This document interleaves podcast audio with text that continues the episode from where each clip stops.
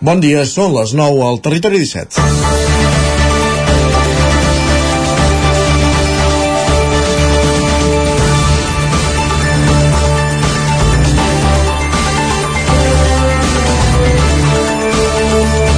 El Tribunal General de la Unió Europea feia pública ahir la resolució que avala la decisió del Parlament Europeu de retirar la immunitat als eurodiputats Carles Puigdemont, Toni Comín i Clara Ponsatí en compliment del suplicatori aprovat al mateix Parlament. Revés a l'estratègia del centre en té president de la Generalitat. S'afanyen a dir avui molts titulars. Entre altres qüestions, la resolució conclou que quan van passar els fets pels quals s'investiga els tres eurodiputats a Espanya l'any 2017, cap dels tres eren eurodiputats, ja que van ser escollits l'any 2019. Ara els tres eurodiputats poden recórrer la sentència al Tribunal de Justícia de la Unió Europea. A curt termini, res ha de canviar. Falta veure si el magistrat del Suprem, Pablo Llarena, emet noves euroordres pels nous delictes que recull el Codi Penal, en aquest cas per malversació, ja que la sedició, delicte de les anteriors euroordres, ja no consta al Codi espanyol després de la darrera reforma. En tot cas, si s'emeten aquestes zero ordres, seran primer els tribunals belgues els que altre cop hauran de decidir si les estimen o no, com ha passat amb les anteriors. Avui hi ha editorials i opinadors a diaris de l'estat espanyol que veuen la compareixença de Puigdemont davant els tribunals espanyols tan a prop com la veien quan va ser detingut a Alemanya. D'altres demanen negociació entre Catalunya i Espanya per resoldre la situació dels exiliats, extrem al qual es nega Puigdemont i el seu partit, Junts per Catalunya. Xavier Melero, poc sospitós d'independentista i advocat durant el judici de Quim Forn, apunta avui a La Vanguardia en un article que ni els mateixos lletrats tenen respostes ni tan sols tenen clar si cal una nova euroordre. El que sí que apunta és que la, en la situació actual, de jugar al gat i la rata, hi podem estar fins que Puigdemont, Llarena, vosaltres i jo mateix arribem a l'edat de la jubilació o estats encara més lamentables. Diu Melero. Segurament sí, calen solucions per no arribar a aquest extrem. Territori 17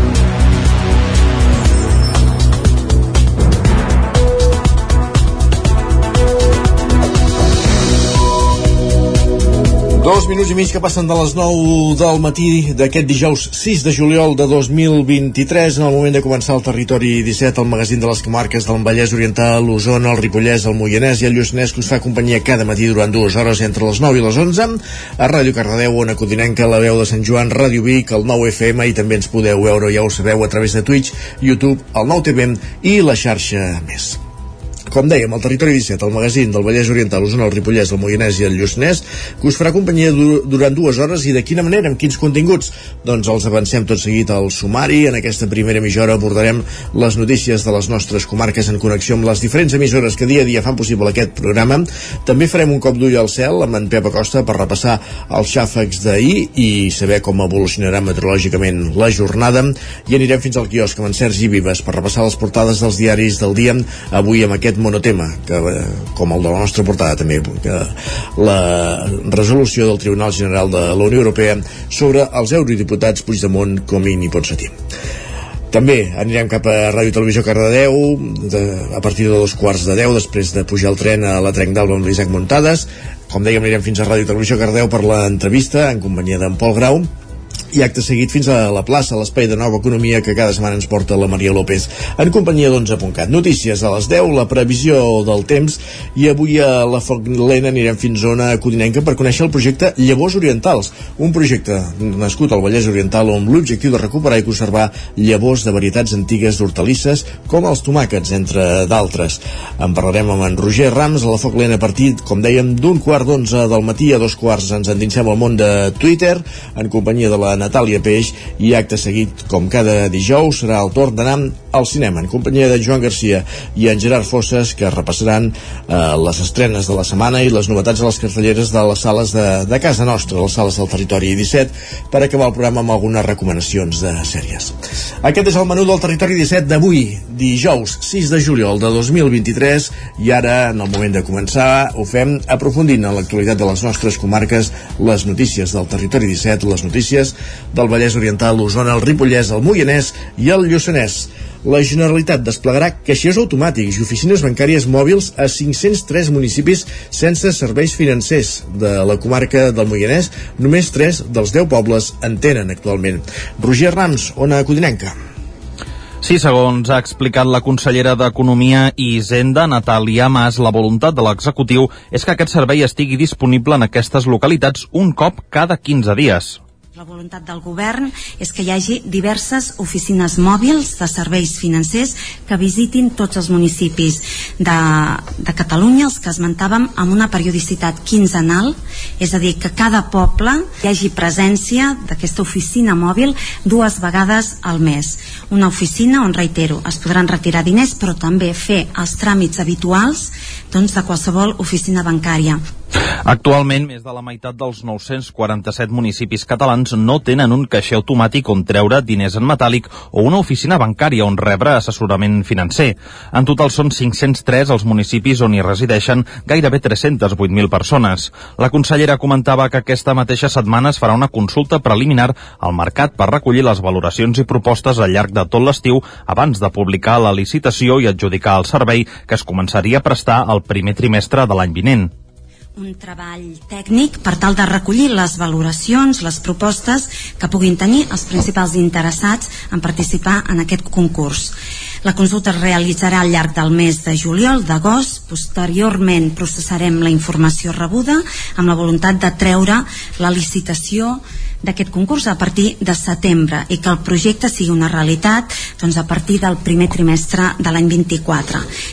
Com apuntàvem als titulars, molts d'aquests pobles són al territori 17, per exemple, és el cas del Moianès, on només Moià, Castellterçol i Santa Maria d'Oló tenen oficina bancària o caixer automàtic.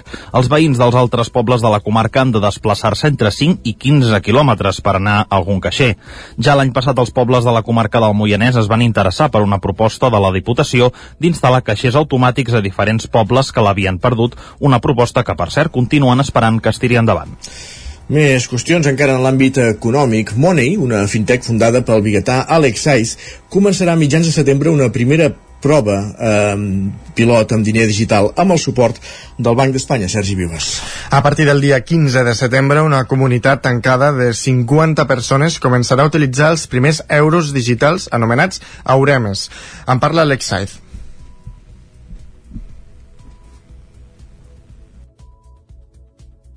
Respaldats per euros tradicionals que estan guardats en comptes de salvaguarda d'entitats financeres solvents. Um, bàsicament la prova consisteix en que uh, hi ha tota una sèrie de proves tècniques d'estrès uh, i proves d'experiència d'usuari en el que 50 usuaris que, que els hem identificat amb una, amb una galleda o amb un uh, pool que diem de, de, de treball faran tota una sèrie de proves com si el producte fos, uh, estigués llançat al mercat no? El projecte podria convertir-se també en l'embrió de l'euro digital que està dissenyant el Banc Central Europeu. Alex Saez admet, però, que difícilment el Banc d'Espanya farà moviments per avançar en el diner digital si no hi ha un posicionament clar d'Europa. Recentment, la Comissió Europea ha presentat una primera proposta legislativa que estableix el marc jurídic per a un possible euro digital que d'entrada es planteja com un complement i no com un substitut dels bitllets i les monedes físics. Entre els principals avantatges que tindria l'euro digital avalat pel Banc Central Europeu hi hauria la rapidesa o la flexibilització en els pagaments. Alex Said. El desplegament de, de solucions basades en diner programable, que ho anomenem, no? Permetre flexibilitat en temes de que hi ha moments doncs, que potser eh, una família, una persona eh, va més just aquell mes. No, hi ha, no, no, no és massa flexible el sector financer amb, amb dotar de, de funcionalitats avançades que permetin eh, evolucionar i, i, i fer doncs, que tot el sistema financer fins i tot sigui més inclusiu, etc. no? Per Alex Saez, l'euro digital és necessari també per evitar la competència d'altres monedes digitals que ja existeixen com el yuan xinès. La garantia de seguretat i de protecció de dades dels usuaris suposen un altre dels grans debats que s'ha d'afrontar en el procés de creació de l'euro digital.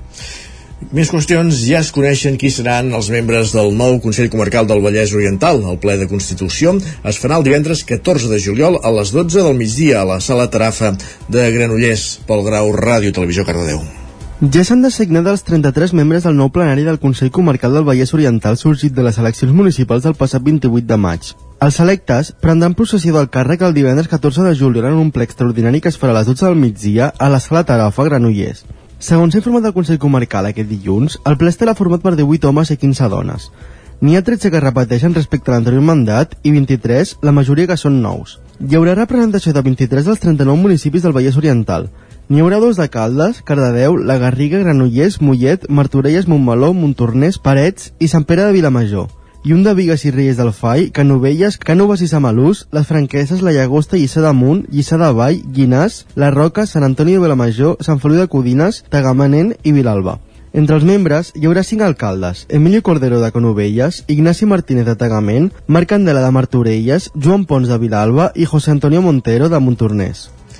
Gràcies, Pol. I mentre el Consell Comarcal del Vallès Oriental mira endavant, mira el futur, el d'Osona mira el passat, perquè tot just ara s'ha tancat el mandat amb un ple extraordinari on diferents consellers han intervingut per dir adeu i donar les gràcies, Sergi Vives. L'ordre del dia, però, tenia punts vinculats a la depuradora de Vic o l'anul·lació de l'adjudicació de la licitació del Servei Comarcal de Recollida i Custòdia d'Animals per part del Tribunal Català de Contractes del sector públic, cosa que superarà suposarà que s'hagi de refer el procediment. El ple comarcal també va donar llum verda inicialment al reglament del teletreball de l'ENS. Pràcticament la meitat de la sessió, però, la van protagonitzar els comiats de diversos consellers i conselleres que no repetiran el proper mandat. Alguns d'ells, com Jordi Casanova de la CUP i Josep Manel Garcia del PSC, van posar l'èmfasi en el valor de la política. També des de l'oposició hem sigut crítics i ferms en els temes on hi ha hagut desacord, però també conciliadors i treballant per l'acord en els punts on el podíem trobar tenint en compte el poc poder que ens donaven els assuts que tenim. Però entenem que el treball polític és això,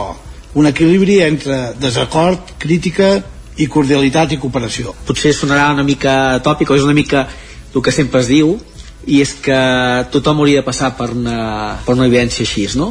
tant sigui com a conseller o consellera o amb un regidor o jo que sóc, per exemple, des de fa 16 anys sóc delegat sindical també deia adeu al president Joan Carles Rodríguez, que després de 4 anys al capdavant del Consell, 4 més de vicepresident de l'ENS eh, comarcal i 12 més d'alcalde de Sant Julià de Vilatorta tanca etapa política. S'acomiadava assenyalant els que considera que són els grans reptes del Consell d'Osona en els propers anys però permeteu-me que em quedi amb el repte que és pel Consorci d'Osona de Serveis Socials i per la casa el fet de l'atenció integrada social i sanitària, que aquí hi haurà tot un repte de, de futur important i on caldrà remar tot el tema d'estratègia territorial. Perdoneu els errors, mantingueu els encerts, gràcies comarca per tornar a firmar aquest pacte ampli que és el que crec que, que li convé al, al Consell Comarcal Joan Carles Rodríguez feia referència a l'acord ja subscrit entre Junts i Esquerra que han empatat de consellers al nou Consell Comarcal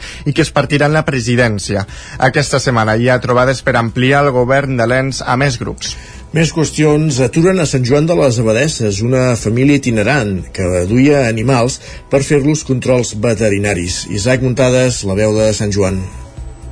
A petició dels Mossos d'Esquadra, aquest dimecres l'Ajuntament de Sant Joan va proporcionar un espai a la zona de la Coromina del Bac per a una família itinerant i els animals que viatjaven amb ells, els quals van ser sotmesos a controls veterinaris rutinaris que es fan a tot el bestiar en trànsit. Es tracta d'una família francesa composta per una parella i tres nens que venen del país veí i es dirigien cap a Andalusia i casualment van ser aturats a Sant Joan, al costat de l'Institut Escola Mestre Andreu, tal com explicava l'alcalde Ramon Roquer. És una transhumància llarga que sembla ser que ells ja fan, porten 15 anys canviant d'ubicació en funció del temps, el que passa que, bueno, en aquest cas doncs, se'ls va, se va aturar i se'ls va exigir reclamar tota la documentació i se'ls se està retenint a l'espera de, de tenir tots els documents i de comprovar doncs, que tots els animals siguin, siguin sants i que tot estigui correcte. No? Des del Departament d'Acció Climàtica se'ls va requerir una sèrie de documents al trasllat d'animals que no duien en aquell moment. Els animals se'ls va començar a fer analítiques per comprovar-ne l'estat, que aparentment és bo. El procés va finalitzar ahir i avui haurien de continuar el seu camí després de passar la nit en una enorme tenda de campanya semblant a un tipi indi.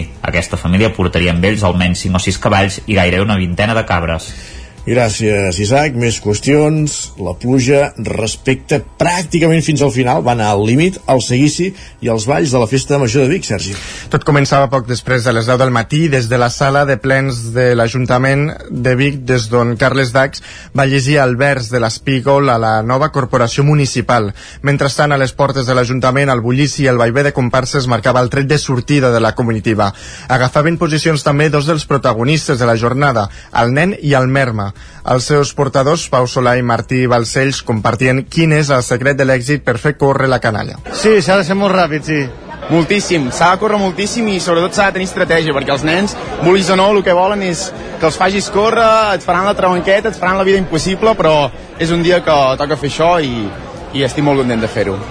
La pluja va respectar en tot moment la baixada que entre Cobles i Gralles va anar donant pas a clàssics de la imatgeria bigatana com el bou, el llegó, la mulassa, els gegants pubills, els de la ciutat i l'àliga. Així arrencava el dia gran dels geganters, cada vegada més meravellats amb la falera gegantera que exhibeix des de fa anys la ciutat de Vic. En parlen els caps de colla Marc Camacho i Edu Costa.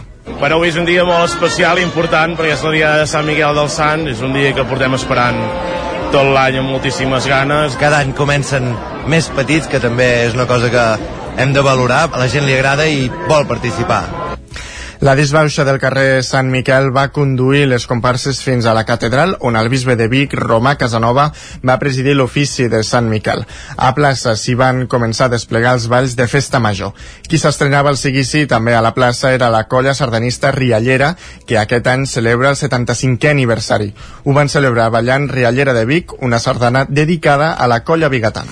I encara en el marc de la festa major, la filòloga Dolors Solam ha estat la protagonista del pregó.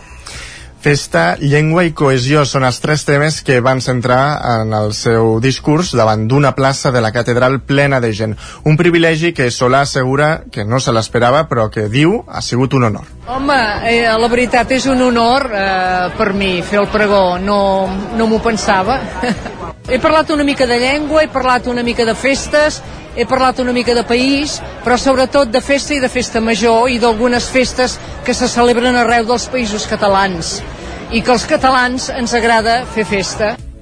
Sola, com a filòloga i exdirectora del Centre de Normalització Lingüística d'Osona, va felicitar el nou equip de govern municipal per la creació d'una nova regidoria de cultura i llengua i va expressar dos desitjos. El retorn de les persones que continuen exiliades arran dels fets de l'1 d'octubre i, que la, i que la festa major pugui esdevenir realment una eina de cohesió social. Abans d'això, Solà va voler anar a l'arrel etimològica de la paraula festa com a expressió de celebració, espectacle i solemnitat, però també de diversió, cohesió o sentiment de pertinença. Home, eh, tal com diu el diccionari, és la festa més important de la ciutat o d'un barri o... i per tant és la festa en què participa eh, mira aquí hi ha gent de totes les edats eh, gent jove, gent gran eh, i per tant és la festa per excel·lència, la festa major aquest era el segon any que el pregó se celebrava un cop superat l'equador de les festes. També es feia just abans del concert de la vigília de la banda de l'Escola de Música de Vic. Aquesta estava formada per més de 80 joves d'entre 11 i 18 anys i dirigida per Ferran Anglí i Oriol Codina. Gràcies, Sergi. Doncs fins aquí aquest repàs informatiu que començàvem al punt de les 9 en companyia de Sergi Vives, Isaac Muntades, Pol Grau i Roger Rams. Anem per conèixer la previsió del temps.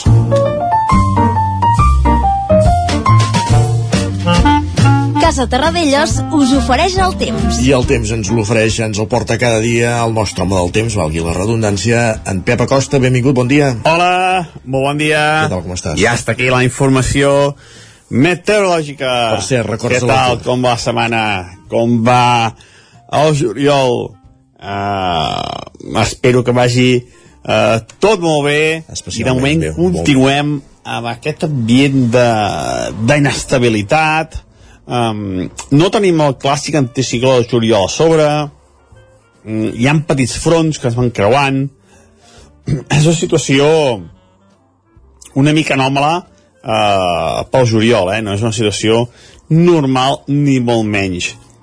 Ahir petites precipitacions eh, amb, eh, ambient eh, força tapat a les nostres poblacions eh, molts núvols eh, no és normal, no és normal aquest eh, inici de, de mes de juliol que estem tenint i aviat canviar la cosa, eh? aviat el sol i la calor seran els protagonistes i és que sempre dic que, que és bon temps eh, és, fa bon temps quan fa el temps que toca i al juliol el que toca és sol, calor i algunes tempestes a les tardes a les zones de muntanya. Um, per tant, aquesta situació anòmala, uh, per mi, per mi, no acaba de ser uh, bon temps. I um, aquesta nit encara ha sigut de bon dormir, tot i que tenim molts núvols, tenim, van passant núvols, petites precipitacions, eh, pocs litres, eh, continuem aquest ambient inestable. I avui serà eh, un dia gairebé calcat al d'ahir. Molts núvols, inestabilitat i unes temperatures molt a ratlla. Per la gent que no li agrada la calor, eh, és, un, eh, és, és un privilegi estar eh, al mes de juliol amb màximes entre 25 i 28 graus com a majoria màximes que en tenia ahir a les nostres poblacions. De cara a la tarda creixeran més les nuvolades, entrarà una línia de tempestes eh, per, per, a, per al Pirineu Occidental i de cara a nit matinada pot escombrar eh, gairebé tot Catalunya. I la nit matinada eh, hi pot haver tempestes bastant fortes cap al Ripollès, cap a Osona. Eh, sempre dic hi pot haver, hi pot haver perquè són eh, com són difícils de predir eh, cau un quart de gotes a, a una població i la població del costat cau un xàfec de més de 20-30 litres eh, per tant és molt difícil de predir però quan poden caure més és aquesta nit eh, matinada a la tarda en pot caure alguna, durant el matí també és que és això, eh, hi ha una inestabilitat bastant acusada sobre casa nostra. Eh, vents variables i, això, i les temperatures, com deia, encara molt, molt contingudes. Res a veure amb les que tindrem a partir del cap de setmana, que el termòmetre s'enfilarà amb aquests vents de sud que cada vegada seran més i més protagonistes. I això és tot. Adeu. Gràcies, Pep. Parlem d'aquí una estoneta. Fins ara mateix. Casa Tarradellas us ha ofert aquest espai. Un quart i mig de 10 del matí, moment d'anar cap al quiosc. Perquè és moment, Sergi, de repassar les portades dels diaris del dia i avui amb el monotema Puigdemont, entenc, eh? Uh, així és, el, és el gran protagonista de les portades, tant catalanes com espanyoles. I per què? Doncs ja ho hem comentat, doncs perquè el Tribunal General de la Unió Europea li ha retirat la immunitat tant a ell com a Comín i Ponsatí. L'altre dia el punt avui deia que Puigdemont estava a punt de tornar i avui doncs diuen tot el contrari, que la cosa va per llarg. Així és com obren la portada. La Vanguardia diu que Puigdemont apel·larà a l'última instància europea, expliquen que el Tribunal General de la Unió Europea rebutja els arguments de l'expresident i nega que hi hagi persecució política. S'ha de, de vigilar amb el que es diu, eh, quan es fan afirmacions d'aquest nivell. Sí. Però vaja. El periòdico diu que Llarena activarà l'euroordre sense esperar el recurs de Puigdemont. Expliquen que el Suprem instarà la detenció de l'expresident i de l'exconseller Comín. Diuen que la defensa dels dos eurodiputats té dos mesos per apel·lar al Tribunal de la Unió Europea. I què diu la premsa espanyola de tot això? Doncs el país diu que la justícia europea fa així un dels majors cops als polítics que van sortir d'Espanya al conèixer la querella de la Fiscalia pels successos del procés. Estan consternats avui, del oh, cop sí. que han rebut, sí, sí. No els t'esperaven. L'ABC diu que la justícia europea també frena l'independentisme. El Mundo diu que Puigdemont maniobra per no ser entregat després de perdre la immunitat i la Razón diu que aquesta és la segona garrotada de la justícia europea a car... quantes n'ha rebut la justícia espanyola per part de l'europea? Que aquesta no la diuen, eh? De... Aquestes no, pel que, pel que sigui no. I, i també explica la raó però que no és definitiva perquè encara es pot presentar un recurs. Carai. Bueno, anem amb altres titulars que ens trobem avui a les portades. Són, sí. per exemple, al periòdico, eh, que sota el titular Contra totes les sequeres expliquen que els agricultors porten al centre de Madrid les seves reivindicacions pels efectes de la inflació i la crisi climàtica del camp. La Vanguardia destaca la cerimònia d'ahir dels Premis Princesa de Girona com no? Dient que, dient que van tornar a casa. Expliquen que el rei... Una casa, casa, casa. Princesa de Girona, Girona és la capital Girona i allà no hi han tornat, eh? Ho han sí, sí. de fer caldes de Malavella. Expliquen que el rei va assumir el deure de donar estabilitat i garantia de, de futur al jovent i la princesa Leonor va assenyalar els desafiaments formar-se, desenvolupar les seves capacitats, viure de manera sostenible i encarar els reptes vitals. Diu, bueno, en fi. L'Ara diu que troben a Suïssa obres del romànic català. Expliquen que les peces es van vendre durant el franquisme i són ara propietat d'un col·leccionista uh, d'un col·leccionista. Molt bé. El país diu que l'esquerra eh, inicia campanya amb el focus en l'economia. Expliquen que PSOE i Sumar comparteixen els anuncis de mesures socials per alleugerir els hipotecats o lluitar contra la desigualtat. El Mundo diu que Feijó suma més que tota l'esquerra, però Sánchez guanya recolzaments. Expliquen que el PP arrenca la campanya amb un avantatge de 5,5 punts, però amb el PSOE mm, retallant distàncies. Diuen que Vox i Sumar continuen a la baixa i pugnaran per una tercera posició que pot ser clau i, um, i acabem amb, amb un apunt de esportiu, en concret de l'avantguàrdia, que diu que Luis Enrique es converteix en el nou tècnic del PSG. Expliquen que l'Asturià ha firmat per dos anys i ja ha sigut presentat a la ciutat esportiva del club. De fet, el van presentar ahir. El que encara no sap Luis Enrique si podrà comptar, per exemple, amb Mbappé, perquè a la mateixa roda de premsa el president feia un ultimàtum al jugador francès que si vol continuar l'equip renovi i si vol marxar, que marxi aquest estiu que així el club s'embutxacarà uns dinerons i si espera esgotar el contracte l'estiu que, que ve no, no ho faria. De fet, també ha sigut un, un dels protagonistes de les portades, eh, l'Mbappé. Molt bé. Doncs veurem un, com acaba aquest serial. Eh, nosaltres el que fem ara és repassar digitals, comencem per l'edició d'Osona i el Ripollès del 99.cat.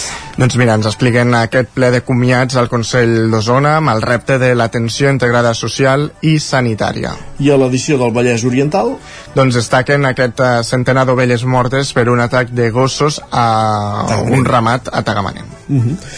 Doncs gràcies Sergi, a acabem aquí aquest repàs als diaris, uh, aquest pas que hem fet pel quiosc i avancem al territori 17. Tot seguit fem una petita pausa, res, 3 minuts i de seguida tornem i ens espera l'Isaac Muntades amb la Trenc d'Alba, la la càpsula diària recollint les cròniques dels oferts usuaris de la línia de tren, de la línia R3, de la línia Barcelona-Granollers-Vic, Ripoll-Puigcerdà i de seguida després anem fins a Ràdio Televisió Cardedeu per conèixer el detall les vespres de juliol. En parlarem amb un representant, amb una representant de, de l'Ajuntament de, de Cardedeu en companyia d'en Pol Grau als estudis de Ràdio Televisió Cardedeu. Abans, però, com dèiem, una petita pausa. Tres minutets i tornem a ser aquí. Fins ara mateix. El nou FM, la ràdio de casa, al 92.8. Quan tingui un problema amb la seva caldera, vagi directament a la solució. Truqui sempre al servei tècnic oficial de Saunier Duval i despreocupis, perquè som fabricants i coneixem les nostres calderes peça a peça. I ara aconseguiu fins a 300 euros en canviar la caldera. Informeu-vos al 910 77 10 50 o a saunierduval.es. El Roures Parc de Ceba Tres piscines, pista de vòlei platja, camp de futbol 3x3, un parc infantil amb moltes novetats i una zona de pícnic per passar el dia en família o amb els amics. Del 24 de juny fins al 3 de setembre ens pots visitar des de dos quarts d'onze del matí fins a dos quarts de vuit del vespre. Vine de pícnic al Roures Parc de Ceba. Diversió per tota la família.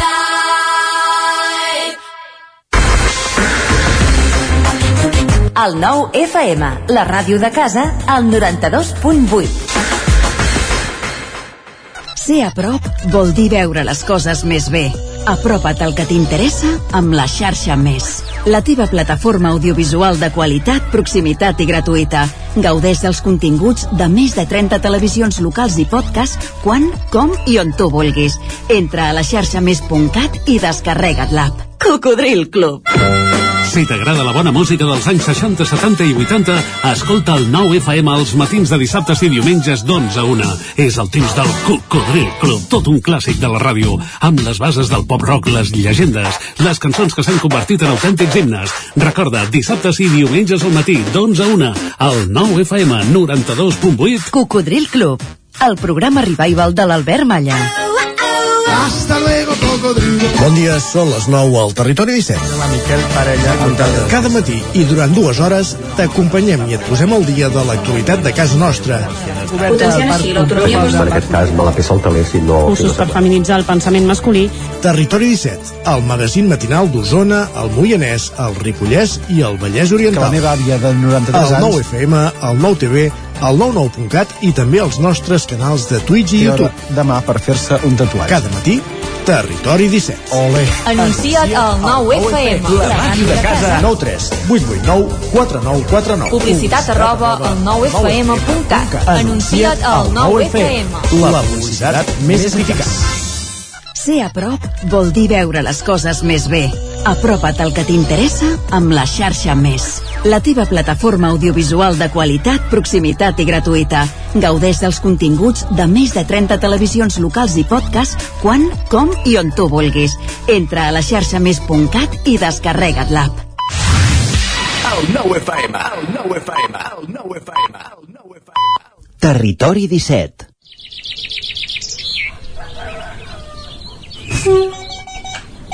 A Tren d'Alba.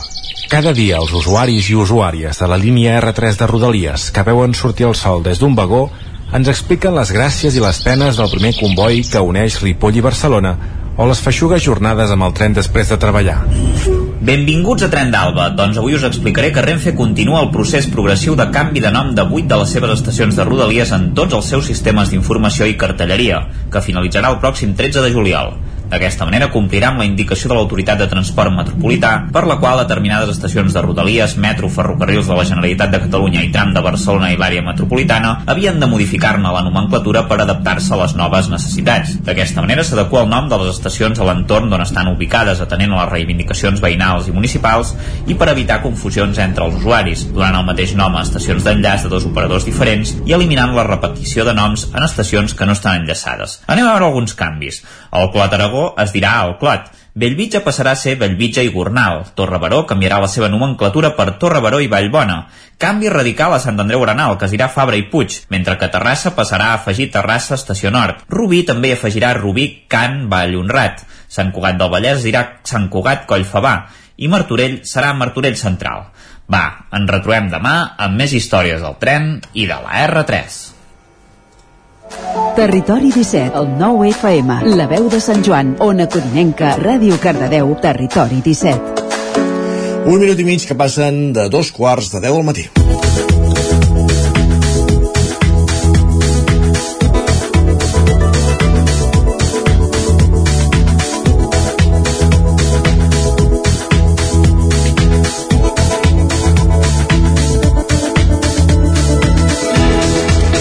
Arriba l'estiu i des de l'Ajuntament de Cardedeu es posa en marxa la programació de Vespres de Juliol, un recull d'activitats durant tot el mes de, de cultura gratuïtes per a tothom, amb propostes de circ, cinema o música. Per tant, anem fins a Ràdio Televisió Cardedeu, allà ens espera en Pol Grau. Benvingut, bon dia, Pol. Bon dia, Isaac. Què tal? Molt bé. Avui, com has dit, ens acompanya bueno, no ho has dit encara, però ens acompanya la Jordina d'aquí de l'Ajuntament per parlar d'aquests vespres de juliol que ens espera al llarg d'aquests dies. Bon dia, Jordina, com estàs? Molt bon dia, moltes gràcies, molt bé. Vau començar l'altre dia aquesta programació de vespres de juliol amb dues activitats de circ, una d'elles idiòfona, eh, que vam parlar forts mesos aquí també amb en Joan Català quan estava fent residència. No sé si ens pots Mhm. explicar com van anar aquestes primeres activitats de vespres de juliol. Doncs la veritat és que molt bé. Uh, com saps, i, uh, va ser un espectacle idiòfona de la companyia Joan Català. Ha sigut un espectacle en creació que hem acollit a, a la Tèxtil Race quan estava cap al mes de febrer. Eh, i va estar 10 dies eh, seguint creant una instal·lació sonora que va poder posar en pràctica amb gent que es va escriure, inscriure al taller. I, i va anar molt bé. Vam estrenar-lo aquest dimarts eh, eh, inaugurant els vespres de juliol eh, en aquesta ocasió no era un espectacle fixe com habitualment fem eh, els vespres de juliol sinó que era itinerant el punt de trobada doncs, va ser aquí a, sobre els parcs dels Pinatons, a la zona del Rocòdrom, i es va entrar doncs, al Parc de la Penya. I va ser una experiència mm, molt xula, la gent, un espectacle poètic, eh, eh, sorprenent, en què eh, pretén fer lleuger un element com el ferro. Ell ha estat més de dos anys eh, en creació eh, sí, en creació, en residència en diferents festivals i amb aquesta voluntat ell a més a més explicava que ve de família de ferrers amb, amb, amb, amb el qual l'objecte del ferro a la seva família ha estat molt present i com que ell ha anat doncs, endinsant-se en la investigació de materials, ell en un altre espectacle va treballar molt al món de la fusta, en aquest doncs, s'ha endinsat al ferro, i, i una de les missions amb l'espectacle deia doncs, que volia que volia treballar, la, volia fer un element, la duresa del, del, del, del ferro, convertir-la en, en lleugeresa. I realment és un, és un espectacle com que visualitzes tota l'estona que està treballant amb ferro però que acaba sent doncs aeri fins i tot el, el ferro uh -huh. Aquesta és una... Ens van acompanyar 120 persones, eh, públic de Cardedeu, molt content i que després va poder parlar amb l'artista i la veritat és que tant grans com petits, és un espectacle sí que recomanen per més de 10 anys, per al silenci, per una mica doncs la, l'abstracció que també se'n parla doncs eh, eh, van disfrutar moltíssim perquè el personatge que crea és, és sorprenent, divertit i, i, i proper alhora mm -hmm. Aquest ha estat el primer espectacle però evidentment n'hi ha, ha més què és el que veurem? Que, de què més es nodreix aquesta programació? I tant, mira, els dimarts fem espectacles de circ uh, a diferents places. Vam començar amb aquest que parlàvem ara idiòfona i cada dimarts doncs, uh, un espectacle de circ combinat amb altres gèneres és a dir, uh, a Cardedeu uh, som consumidors amb un públic bastant uh, bastant acostumat a veure circ eh, i el que hem proposat aquest any és que sigui espectacles de circ però que treballen també multidisciplinars que, que, que ho treballen amb altres eh, gèneres llavors el proper dimarts eh, veurem un espectacle que es diu Endangered, eh, en perill, de la companyia Flying Pygmies, vinguts d'Osona. És un espectacle de teatre i circ aeri, eh, mm, amb trapeci de barra a barra, equilibris, eh, cant, teatre i circ al, al Parc Joan Closelles. El següent dimarts, el dia 18, veurem un espectacle que, mm, de percussió eh, càrrec de Som de Secà, una companyia vinguda de les Terres de Ponent, eh, que, que creen espectacles plens d'energia, de vitalitat, són personatges eh, vestits de negre, molt peculiars que bueno, fan body percussion, percussió, eh, cant i, i faran participar el públic i tots acabarem celebrant el ritme i la vida. I el 25 eh, acabarem amb Sirenes, un espectacle de la companyia Marc Gómez, Uh, bàsicament la companyia de, de Marc Gómez es dedica a la dansa però també molt vinculada a altres gèneres i en aquest cas és també amb màstil, amb circ, amb cant, amb teatre i serà a la plaça Joan Alzina amb un espectacle doncs, també per tots els públics i molt, molt atractiu que s'ha estrenat ara a la Fira Trapezi i, i tenim la sort doncs, de poder-lo tenir aquí ja. Això els dimarts i els dimecres fem cinema a la fresca a l'espai de la Serreta amb pel·lícules en versió original, amb títols, doncs, Train, uh, Elvis, uh, per tant, bi biopics, uh, bi uh, biografies i musical, uh, espanyoles com Canalles i, i acció, drama, uh, versions originals subtitulades. I acabarem el, el dijous 27 perdó, amb música a càrrec de, de l'associació ESMUCA, l'Associació de Músics de Cardedeu, que eh, és un concert, proposta musical eh, de diferents eh, grups membres de l'associació que en, bueno, eh, ens faran una petita mostra de tota d'alguns grups de música dels seus socis que ara estan en convocatòria. Si hi ha músics de Cardedeu que vulguin participar doncs està oberta aquesta convocatòria. La tancaran cap al 10-15 de juliol i um, a partir de, doncs, de la gent que s'hagi, dels grups que s'hi hagin um, inscrit i hi hagi una selecció, doncs uh, sortirà aquesta relació d'artistes que actuaran el dia 27 de juliol al passeig del mestre Alexandri a partir de dos quarts de vuit amb una mica de barra de bar per, per, per gaudir d'aquest espectacle, uh, d'aquest concert. A tota aquesta àmplia programació i variada de cinema, música i circ. No sé com l'heu confeccionat, com heu preparat d'aquesta programació. Doncs eh, l'organitzem bàsicament des de la regidoria de cultura eh, es nodreix doncs, de, bueno, de veure de, de propostes que rebem, de propostes que, que anem a veure en diferents festivals, fires, eh, per, per la part d'espectacles i, i, i amb una mica aquests paràmetres de que siguin espectacles mm, diferents entre si perquè sigui una programació variada que siguin també mm, per tots públics eh, perquè sabem doncs, que vespres a, de juliol ve molt públic eh, de diferent edat, el fet de fer-ho a les 8 del vespre, a l'estiu eh, per, per tots els públics i que a Cardedeu doncs, hi ha molt públic familiar doncs la gent respon i que també doncs, siguin espectacles novedosos, eh, de formats diferents, una mica buscant aquesta diversitat, eh, varietat eh, de gèneres i que siguin aptes i també doncs, bueno, eh, costosos eh, que puguem assumir-los no?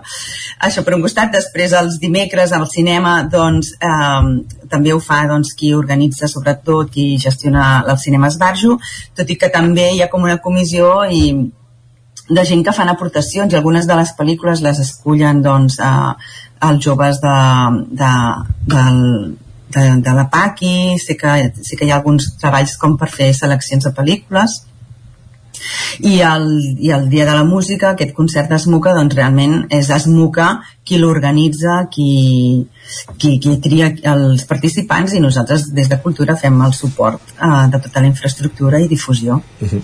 Sovint parlem de, de l'activitat eh, que hi ha a Cardedeu en l'àmbit social i, i cultural organitzar aquestes, aquestes activitats durant tot el mes de, de, de juliol què suposa per la programació per l'activitat eh, eh, que hi ha amb el bullici del poble diguéssim. Jo crec que és una programació que ja s'espera, que, que es gaudeix. Eh, i que, i que es compagina amb moltes altres activitats de que, com bé dius tu, a Cardedeu no, hi ha molta activitat cultural i conviu molt bé amb, amb moltes altres activitats. Aquest cap de setmana que ve també, per exemple, hi ha el Festival Cardamots de l'associació eh, Cardamots i, i hi haurà doncs, actes al museu, a places públiques eh, la setmana passada hi havia la Festa del Foc eh, la, la Paqui doncs, ho compagina també amb, amb el concert que es farà al Teatre Auditori Cardedeu eh, de, de l'operació Paqui. Mm, jo crec que, que es complementa bé però evidentment hi ha molta més i, i a més a més des de Cultura ens agafa doncs, que sortim de tota, de tota la programació del teatre que hem acabat temporada, que estem preparant la nova mm, que, ja, que ja us he de dir que ja hem presentat la nova temporada d'octubre-desembre el passat 22 de juny, vull dir que no hem parat i que a més a més estem preparant la festa major, per tant ens agafa en, en un ritme a tope, estem a tope esteu en preparació de cita festa major, ja, la, el teatre ja l'heu fet, però no sé si ja prepareu una mica o teniu pensat una mica els vespres de juliol de l'any que ve, de 2024. Mm, no, uh, no, els, no, no els tanquem més endavant, però sí que quan ara comencem a veure espectacles uh, en altres festes majors, en festivals i tal, sí que et quedes, doncs, de, doncs si veus algun espectacle dius, doncs mira, eh, encaixa en la programació que fem, eh, ens ha agradat i es queda allà perquè també eh, doncs, la gent del Garito, per exemple, també eh, és, és, eh, és una associació que va veure molts espectacles també per, perquè com sabeu ells dins de la festa major eh, escull es selecciona els espectacles que es podran veure i també eh, aquest any passat, bueno, no, perdó, aquest 23 mateix, el mes de maig, doncs vam estrenar el Festival Pell de Garito, en què ells també van, són els directors artístics i per tant eh, tri, van fer la selecció de diverses propostes d'espectacles que es van veure. Per tant, en, no ho tanquem fins al, fins al mes d'abril o cap al març, també doncs, perquè són moments que podem demanar eh, les ajudes econòmiques a, per, per fer aquests espectacles. Però bé, en tot cas sí que la mirada la tens tot l'any quan veus espectacles de carrer doncs s'hi pot encaixar per vespres de juliol i no sé si també teniu la mirada posada cap al cel aquests dies si feu activitat a l'aire lliure perquè està, estem començant aquest mes de juliol amb molta tempesta, xàfec mm. esteu pendents d'això? Teniu plans bé en, cas, en alguns casos? Sí, uh, s'estudia, o sigui, mira, en el cas d'Idiòfona estàvem mirant el cel i, i, i clar, és un espectacle en aquest, en aquest cas que no, que no podíem traslladar perquè mm, s'adapta en un espai natural, en aquest cas al parc de, uh, de la penya i, i, i passava allà i ens ho vam plantejar si es podia traslladar doncs, a Sota Cobert, a la Pompeu Fabra, o, però no tenia sentit. Llavors, en aquest cas, si l'haguéssim anul·lat, doncs l'haguéssim fet el dia l'endemà a la mateixa hora, ja aprofitant que la instal·lació estava feta i que en principi estava me menys descartat que plouria. Però per sort, mira, no va ploure. I els plans B els anem, els anem, els anem eh, preparant un cop ja ho hem previst, hem previst tot el pla B, llavors pensem, bueno, i si plou, què fem, no? Doncs... Uh, sempre és interessant, perquè és obvi que el mes de juliol, si estàs al carrer o sempre que fas activitat al carrer, uh, has de pensar en què pot ploure. Evidentment. Jordina, moltíssimes gràcies per acompanyar-nos, que vagi molt bé aquestes vespres de juliol a, a Cardedeu durant tot aquest mes amb tot aquest seguit d'activitats que hem repassat en aquesta entrevista. Moltíssimes gràcies i que vagi molt bé. Moltes gràcies, molt bon dia. Bon dia. Adéu. Gràcies també per acompanyar-nos una estona més. Pol, parlem d'aquí uns moments. Fins ara. Fins ara. I nosaltres que avancem al territori 17 i anem cap a la plaça.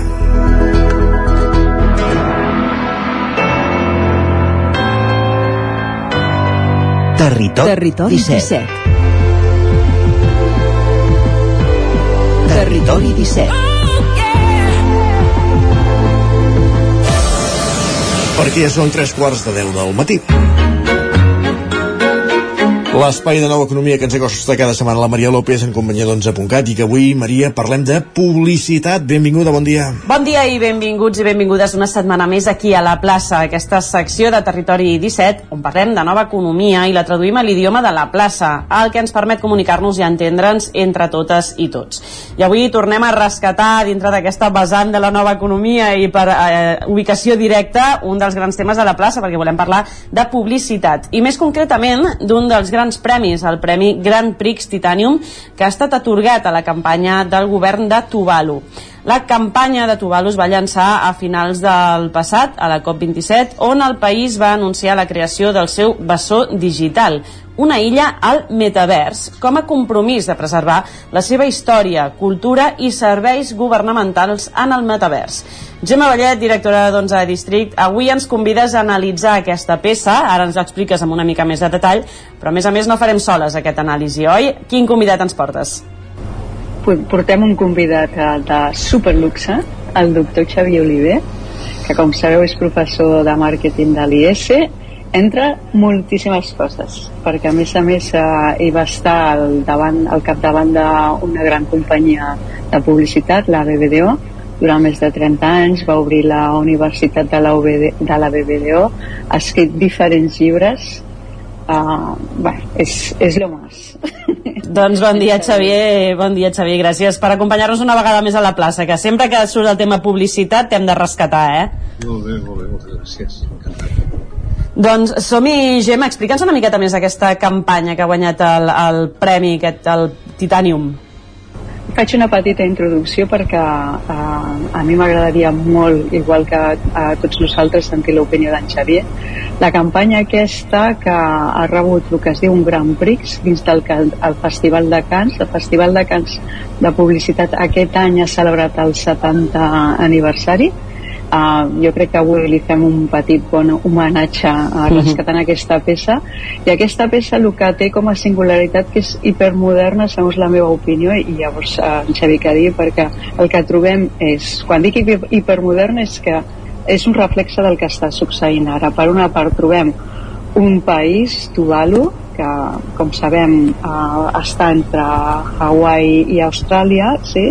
que donada la, la situació amb, on està amb el Pacífic s'està enfonsant mm? llavors d'aquí no res en qüestió de 5-10 anys el, la illa desapareixerà. Llavors, la decisió que es va prendre a nivell institucional i governamental és en principi per fer diguem-ne com una campanya recolzada evidentment per gran talent publicitari es va crear píxel a píxel eh, es va reproduir una, la, la, primerament una de les petites illes de Tuvalu sí? amb un metavers i a partir d'aquí uh -huh. comença la campanya per dir que per les futures generacions eh, com a mínim Tuvalu i la seva cultura continuarà amb el món virtual i a partir d'aquí en Xavier, no? com ho veus?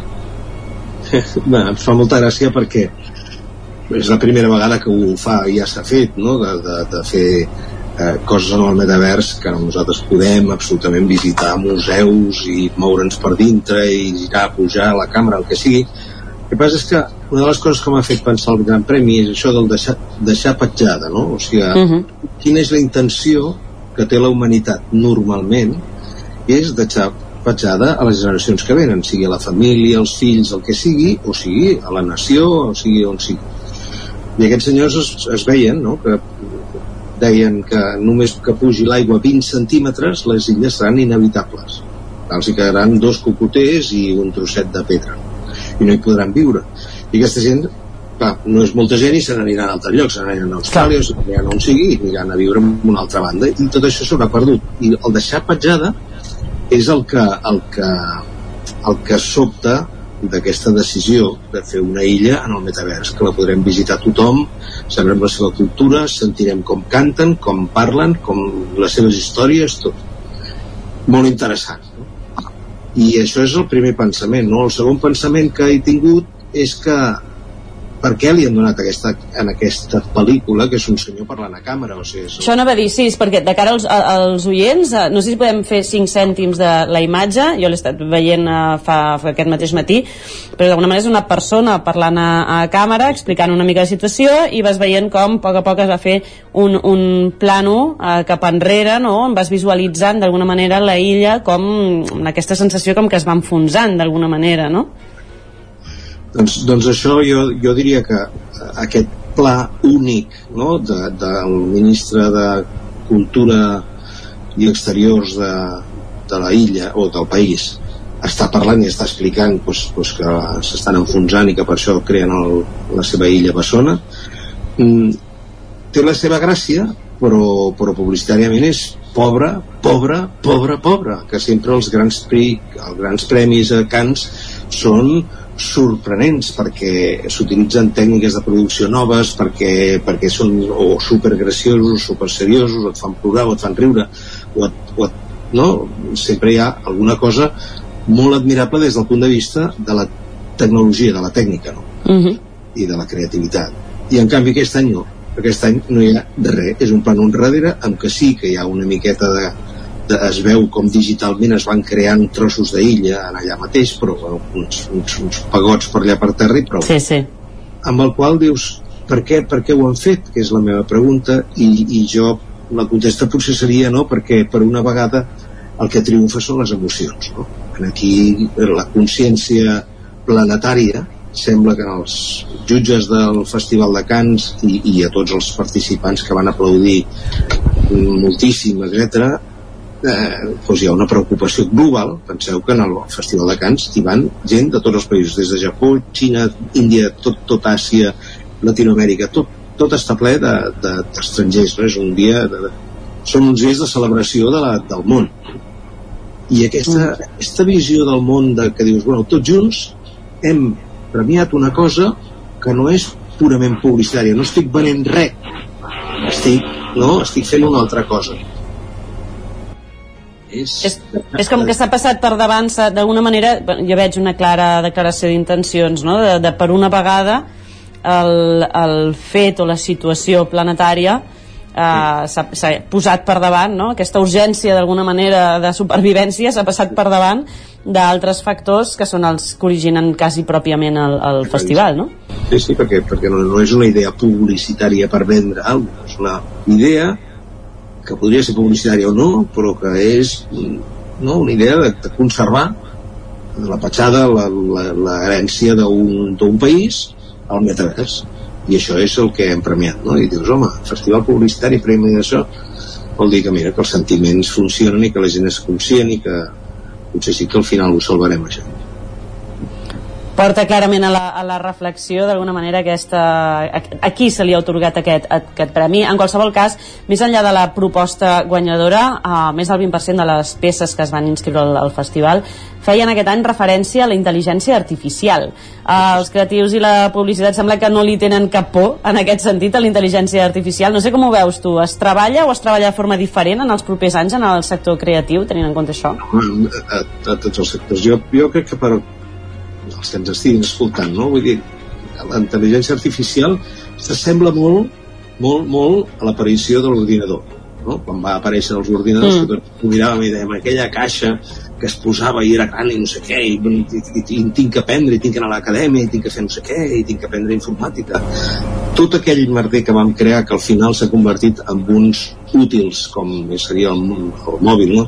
Amb què no necessites aprendre res sinó que ja ho tenim tot après i puges i baixes el dit i gires i tires amunt i avall doncs bàsicament ens està passant una altra vegada el mateix això va passar amb la revolució industrial que va ser un transvals del món terrorífic perquè clar, evidentment hi havia moltes professions que van desaparèixer completament de la faç de la Terra eh? i en van haver-hi moltes altres que van néixer i ara estem en un moment crític que la gent a la intel·ligència artificial sembla que li donen importància quan en parlen però res més i la intel·ligència artificial serà un canvi tan radical com aquest és, és un canvi que afecta tots els camins i evidentment a qualsevol camí que tingui que veure amb la intel·ligència, per això es diu intel·ligència artificial, no només amb les mans i amb, i amb fer catifes com ho feien els avis, sinó on hi has de posar el cap i has de crear coses noves. No? Per això la nostra societat ara és una societat en què sempre diem no, que la innovació és bàsica, que si tu tens una botiga t'has de reinventar, si tens una cafeteria t'has de reinventar. I què has de fer? No sé si batuts, o granitzats, o vendre gelats, o no sé què, però has de reinventar-te, no fer-te nou. I la intel·ligència artificial és la que ens ajudarà a fer això. O sigui, ens ajudarà a reinventar-nos molt més ràpid que abans. Perquè capta precisament tots els bancs d'informació que hi ha a tot el món de tot, que ara els tenim ja digitalitzats, els posa en ordre i els, els analitza i te'ls dona. I, i te'ls dona perquè tu puguis prendre les decisions que cal. Eh, em preguntaves a dintre de la publicitat i la creativitat jo crec que, el, el, clar, la publicitat la creativitat és una de les parts de la, de la, de la publicitat i ja avui, per exemple, que parlem del Festival de Cants, Lions eh, eh, per què hi ha un festival? Hi ha un festival perquè tothom es reuneix al voltant d'un lloc on parlem de la nostra professió i on allà anem a aprendre. O sigui, nosaltres uh -huh. no, no anem a xulejar a prendre copes, que també, però no, no és això. El que es va allà és aprendre. Es va aprendre què han fet els altres i surts amb un bagatge totalment diferent del que tenies. Buscar inspiració, no? D'alguna manera. Ah, busques i veus coses diferents i formes de produir, colors i coses i, i, i sonoritzacions, músiques que es fan servir diferents, manera de tractar els joves, els grans, els mitja edat, el que sigui diferent. I això és, és, és el que es fa un festival. Doncs la intel·ligència artificial és una miqueta això, no? És, és ajudar aquells que han de pensar a pensar més de pressa. Uh -huh. doncs, eh, davant de tots aquests tremendos que diuen que la intel·ligència artificial ens deixarà sense feina, que ho faran totes les màquines i tal, bueno, també el 2001 disseien a l'espai veiem que els ordinadors es rebel·laven contra els homes, no? i al final la nau espacial la manaven els ordinadors i ara estem a 2023 i no hi ha hagut els ordinadors no manen són els humans a darrere els ordinadors que manen i amb la Bueno, a mi, a mi em guanyen a vegades, eh? Amb les Bueno. lluites internes. Ah, però, però no et manipula. No, per sort, per sort. No, no et deixen treballar, però, però no t'estan eh, Sí, sí, el totalment. que et foten al carrer, no? Eh, que hi haurà gent que li anirà malament amb la intel·ligència artificial, sí, com els, com els que feien forratge pels cavalls de les carrosses a la Mhm. uh de la revolució industrial, doncs el mateix, clar. Però vaja, però la intel·ligència artificial s'ha de veure com, un, com una gran invenció que hem fet els humans precisament per ser capaços d'anar més de pressa en, el nostre, en la nostra capacitat de desenvolupar el nostre talent. I això és fantàstic ho estem veient avui Ja per acabar la plaça d'avui, Xavier, sí que m'agradaria saber quin ha sigut d'alguna manera el paper que hem fet des del nostre país en aquest, en aquest festival. Els creatius de la, de la terra, Catalunya, Espanya, d'alguna manera, quina projecció han tingut en un festival com aquest a nivell premis i de reconeixement? Bé, és, és um, sempre el mateix, o sigui, jo crec que Espanya representa un 20% dels premis que s'han generat, s'han donat aquest any.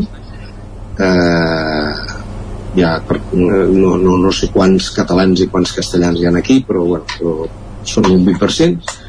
I, i sempre passa el mateix, o sigui, qui guanya sempre els anglosaxons, primer, sempre van primer, no? o sigui, i, per número, doncs sempre els Estats Units primer perquè són molt grans, segons Gran Bretanya, tercers Austràlia, Nova Zelanda i aquestes altres Commonwealth molt desenvolupades i que parlen anglès, i després ja venim nosaltres. Llavors aquí els fons creatius l'estat espanyol va, va caure bastant fa uns quants anys i va haver-hi una època de, de passar el desert i ara torna a reviscular una miqueta i hi ha coses que estan molt bé el, el que s'ha portat i que han premiat.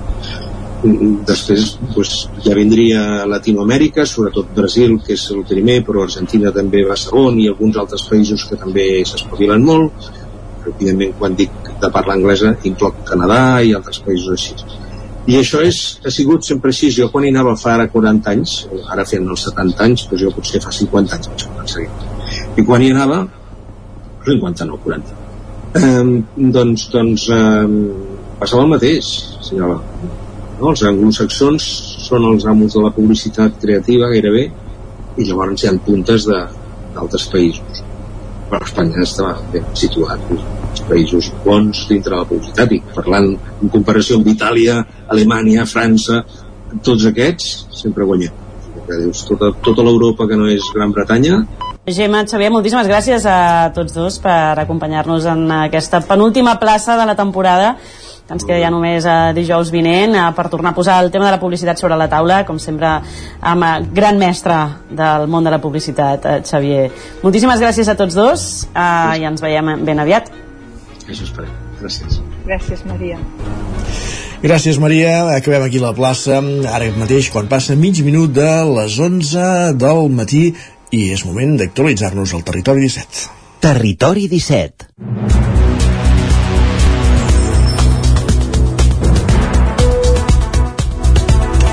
Moment de les notícies al territori 17 en connexió amb les diferents emissores que dia a dia fan possible aquest programa. Ràdio Cardedeu, una Codinenca, la veu de Sant Joan, Ràdio Vic, el 9FM, també ens podeu veure a través de Twitch, YouTube, el 9TV i la xarxa més, al territori 17, el magazín de les comarques del Vallès Oriental, l'Osona, el Ripollès, el Moianès i el Lluçanès. Moment per les notícies d'aquestes comarques. Detinguts dos homes per robatoris en força en domicilis del Vallès Oriental. Accedien a les cases escalant la façana o forçant portes i finestres i s'enduien joies, aparells electrònics i diners. Pol Grau, Ràdio Televisió Cardedeu. Els Mossos han detingut dos homes per vuit robatoris amb força en domicilis, tres dels quals en grau de tentativa. Els arrestos es van produir el 13 de juny, on els presumptes lladres actuen sobretot en urbanitzacions del Vallès Oriental, on durant el dia hi havia poca activitat. Seguint el modus operandi habitual en aquesta mena de delictes i utilitzant mesures de seguretat addicionals per evitar ser descoberts. Seleccionaven prèviament els domicilis on intervenir, sempre fixant-se en habitatges amb portes o finestres vulnerables. Forçaven aquests punts per entrar i també escalaven les façanes. A més, sempre feien servir el mateix vehicle per desplaçar-se. S'enduien diners en efectiu, caixes fortes, joies i dispositius electrònics. A banda, els investigadors van localitzar una amagatalla i una zona boscosa on els autors deixaven els cestis que utilitzaven per cometre els robatoris. Acostumaven a agafar-los abans de fer el robatori i els tornaven a deixar al mateix lloc en acabar. D'aquesta manera es protegien davant eventuals accions policials i evitaven que se'ls pogués relacionar amb els fets comesos. En un dels robatoris, els lladres van accedir a un habitatge on es van endur la caixa forta amb l'ajuda de dos coautors més. Van aconseguir baixar-la de matinada al carrer mentre un dels investigats aprovava el vehicle per assegurar-se la fugida. Durant la investigació, la policia va poder recuperar-la, així com algunes joies. El 13 de juny els Mossos van fer una entrada i escorcollir els domicilis dels investigats i van detenir els dos homes, que acumulaven una dotzena d'antecedents per robatoris amb força en domicilis. El 19 de juny van passar a disposició del jutjat d'instruccions dos de Granollers. Més qüestions, els agents rurals han denunciat una persona després de detectar que es dedicava a obrir corriols de manera il·legal per després passar-hi en bicicleta de muntanya, Sergi Vives. Els fets van passar a l'espai natural de Serres de Milany, a Santa Magdalena i Puigsecal Meimun, al nord d'Osona. Tal com remarquen els agents rurals, obrir corriols al bosc sense l'autorització del propietari de la zona o de l'administració pública és una pràctica prohibida. Per crear nous corriols o muntar infraestructures fixes en terreny forestal calen permisos i llicències concrets. A la persona denunciada se li han intervingut eines per obrir-se pas al bosc i petits explosius utilitzats per fer nous camins. Més qüestions, l'atur cau aquest mes de juny al Vallès Oriental amb xifres que no es veien des de juliol de 2008, mentre que el Moianès augmenta lleugerament Roger Rams, zona codinenca. Sí, segons les dades que ha fet públiques l'Institut Centre d'Estudis del Consell Comarcal del Vallès Oriental, l'atur ha caigut més d'un 1,5% al mes de juny a la comarca i se situa ara en el 9,9%. La baixada és habitual en els mesos d'estiu, ja que les contractacions creixen en aquesta època, sobretot al sector serveis. El que crida l'atenció és que per trobar unes dades iguals hem d'anar fins al juliol de l'any 2008. Actualment a la comarca hi ha 18.990 persones registrades a les llistes de l'atur. Si mirem la xifra xifra per municipis, a Sant Feliu de Codines les xifres se situen al 8% de la població aturada, el que es tradueix en 317 persones demandants de feina. A Caldes de Montbui la xifra és pràcticament calcada, ja que un 8,04% de la població no té feina. Pel que fa a Vigues i Riells del FAI, la taxa d'aturats aquí ha pujat respecte al mes passat i se situa en el 10,5% per sobre de la mitjana comarcal, que és del 9,8%. Pel que fa a la comarca del Moianès, la mitjana de població que es troba a l'atur és del 7,6%, però les persones que actualment no tenen feina ha augmentat en 9 en tota la comarca respecte al mes de maig. Només ha baixat a Castellterçol, a Moià i a Granera. A nivell català, les xifres d'atur també són les més baixes dels darrers anys, amb menys de 330.000 persones registrades a les llistes de l'atur.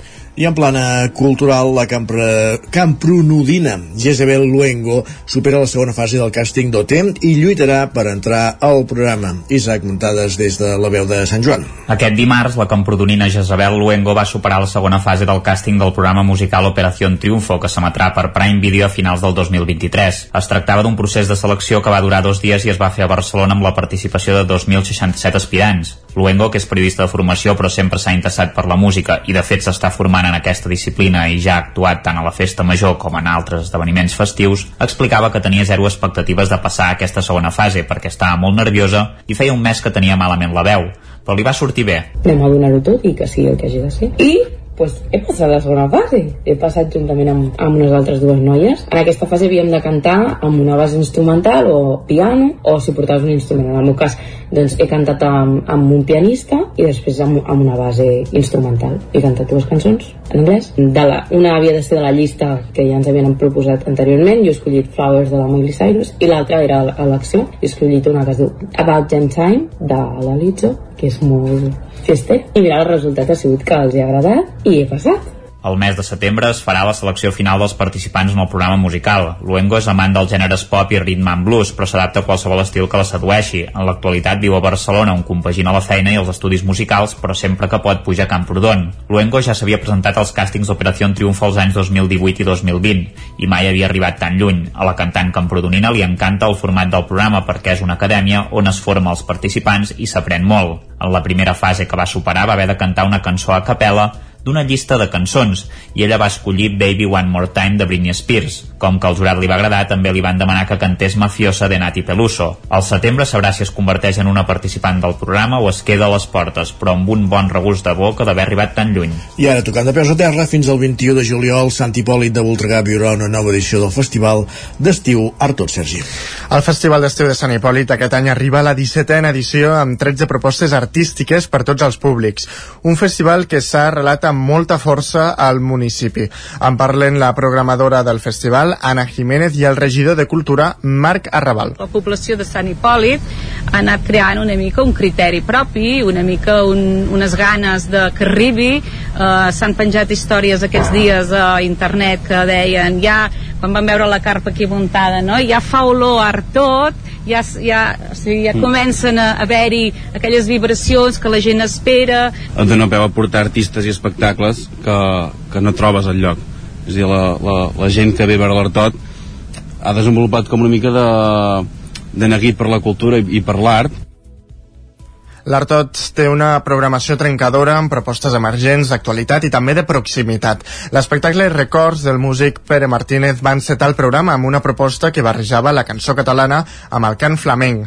També s'hi podran veure, però, espectacles de teatre, circ o humor, espectacles, experiències immersives, com el volador eh, El valor del, de res, una proposta, per cert, que s'estrenarà el proper Fira Tàrrega, o propostes com Play, de Walla o OIU de Farrés Brothers. No hi faltarà tampoc el clown de la companyia Leadre o propostes musicals amb artistes com Rita Pallés i Paul Batlle o Quim Portet. Qui presentarà, la, qui presentarà Quim Portet la gira World Tour? Si plou, ho farem al pavelló. Com ja és habitual, el festival compta també amb una programació paral·lela. Anna Jiménez. I amb els alumnes de l'Escola de Música que ens han gravat doncs, la banda sonora que avui sonarà per primer cop, que és l'obertura dels espectacles, que en lloc de dir senyors i senyores, apaguin el mòbil, no sé què, doncs ho diuen amb una rumba cantada i que també els de Sant Tomàs que els tenim aquí en un centre eh, també han fet doncs discos d'aquests de vinil Gran part de la programació és gratuïta, però en alguns dels actes cal inscripció prèvia perquè les places són limitades. I la pluja que aquests dies va fent la guitza a les activitats que es fan al carrer va respectar i pràcticament fins al final el seguici i els, balls de, i els balls de la Festa Major de Vic. Tot començava poc després de les 10 del matí des de la sala de plens de l'Ajuntament, des d'on Carles Dax va llegir el vers de l'Espígol a la nova corporació municipal. Mentrestant, a les portes de l'Ajuntament, el bullici i el vaivé de comparses marcava el tret de sortida de la comitiva. Agafaven posicions també dos dels protagonistes de la jornada, el nen i el merma. Els seus portadors, Pau Solà i Martí Balcells, compartien quin és el secret de l'èxit per fer córrer la canalla. Sí, s'ha de ser molt ràpid, sí. Moltíssim, s'ha de córrer moltíssim i sobretot s'ha de tenir estratègia, perquè els nens, vulguis o no, el que volen és que els facis córrer, et faran la trabanqueta, et faran la vida impossible, però és un dia que toca fer això i, i estic molt content de fer-ho. La pluja va respectar en tot moment la baixada que entre cobles i gralles va anar donant pas a clàssics de la imatgeria bigatana com el bou, el lleó, la mulassa, els gegants pubills, els de la ciutat i l'àliga. Així arrencava el dia gran dels geganters, cada vegada més meravellats amb la falera gegantera que exhibeix des de fa anys la ciutat de Vic. En parlen els caps de colla Marc Camacho i Edu Costa. Bueno, avui és un dia molt especial i important perquè és el dia de Sant Miquel del Sant, és un dia que portem esperant tot l'any amb moltíssimes ganes. Cada any comencen més petits, que també és una cosa que hem de valorar, a la gent li agrada i vol participar. La, la disbauxa del carrer Sant Miquel va conduir les comparses fins a la catedral on el bisbe de Vic, Romà Casanova, va presidir l'ofici de Sant Miquel. A plaça s'hi van començar a desplegar els balls de festa major. Qui s'estrenava al seguici també a la plaça era la colla sardanista Riallera, que aquest any celebra el 75è aniversari. Ho van celebrar ballant Riallera de Vic, una sardana dedicada a la colla bigatana. Gràcies, Sergi. Acabem aquí aquest repàs informatiu que començàvem al punt de les 10 en companyia de Sergi Vives, Isaac Montades, Pol Grau i Roger Rams. És moment, al territori 17, de saludar el nostre home del temps, en Pep Acosta.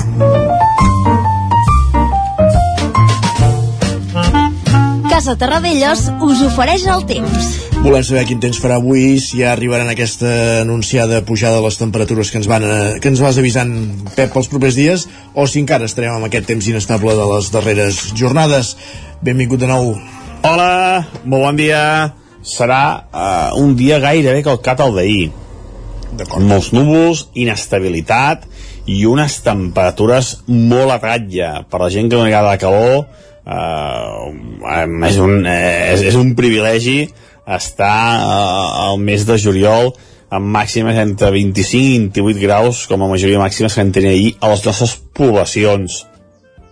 De cara a la tarda creixeran més les numolades, entrarà una línia de tempestes eh, per, per, per al Pirineu Occidental i de cara a nit matinada pot escombrar eh, gairebé tot Catalunya i la nit matinada eh, hi pot haver tempestes bastant fortes cap al Ripollès, cap a Osona. Eh, sempre dic hi pot haver, hi pot haver perquè són eh, com són difícils de predir eh, cau un quart de gotes a, a una població i a la població al costat cau un xàfec de més de 20-30 litres eh, per tant és molt difícil de predir però quan poden caure més és aquesta nit eh, matinada a la tarda en pot caure alguna, durant el matí també és que és això, eh, hi ha una inestabilitat bastant acusada sobre casa nostra. Eh, vents variables i, això que, i les temperatures, com deia, encara molt, molt contingudes. Res a veure amb les que tindrem a partir del cap de setmana, que el termòmetre s'enfilarà amb aquests vents de sud que cada vegada seran més i més protagonistes. I això és tot. Uh, moltes gràcies. Fins demà. Adeu. Gràcies a tu, Pep. Parlem demà. Adéu-siau. Casa Tarradellas us ha ofert aquest espai. Territori 17. Envia'ns les teves notes de veu per WhatsApp al 646 079 023. 646 079 023. WhatsApp Territori 17.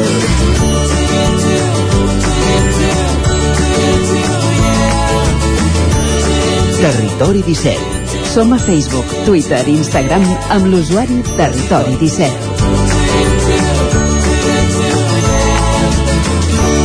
Un minut i mig perquè sigui un quart d'onze del matí.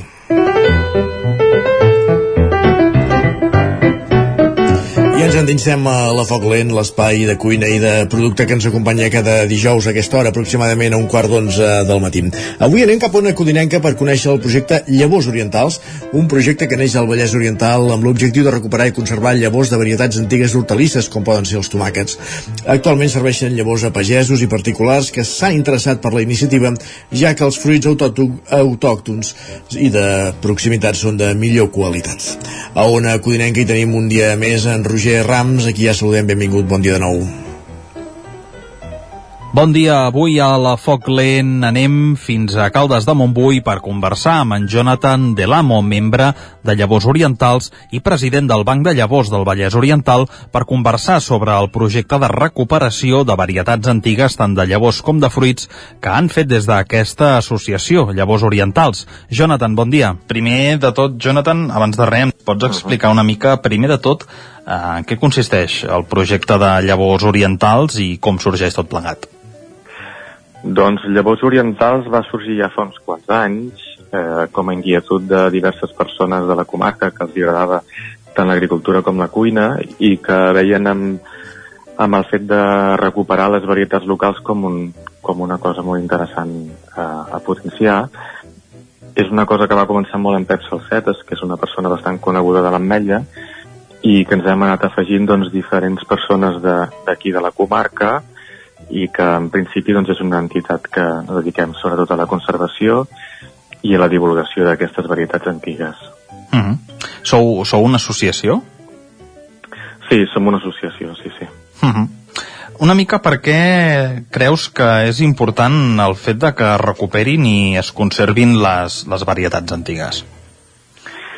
Bé, per diferents motius. Les varietats antigues, primer, no deixa de ser un, un patrimoni agroalimentari que, que encara conservem i que tenim i que en alguns casos ha arribat gairebé a desaparèixer i que va molt lligat també amb la nostra gastronomia, no? moltes d'elles van lligades a plats molt concrets, però a part de tot són varietats molt interessants que, que van sortir, diguem-ne, del mercat comercial perquè no complien un, uns requisits superestrictes, diguem-ne, de la nova agricultura més industrialitzada però acostumen a ser varietats molt més gustoses i molt més bones i que, i que identifiquen molt tant el productor que les fa com el territori, no? I també dona doncs, moltes oportunitats en els productors locals per oferir productes diferents dels que estem acostumats a, a trobar a les botigues, no? Mm -hmm. Quins serien, per exemple, aquests eh, productes? Bé, des de llavors orientals sobretot hem treballat molt el tema dels tomàquets i de les mongetes, eh, tenim un, un grapat de, de varietats.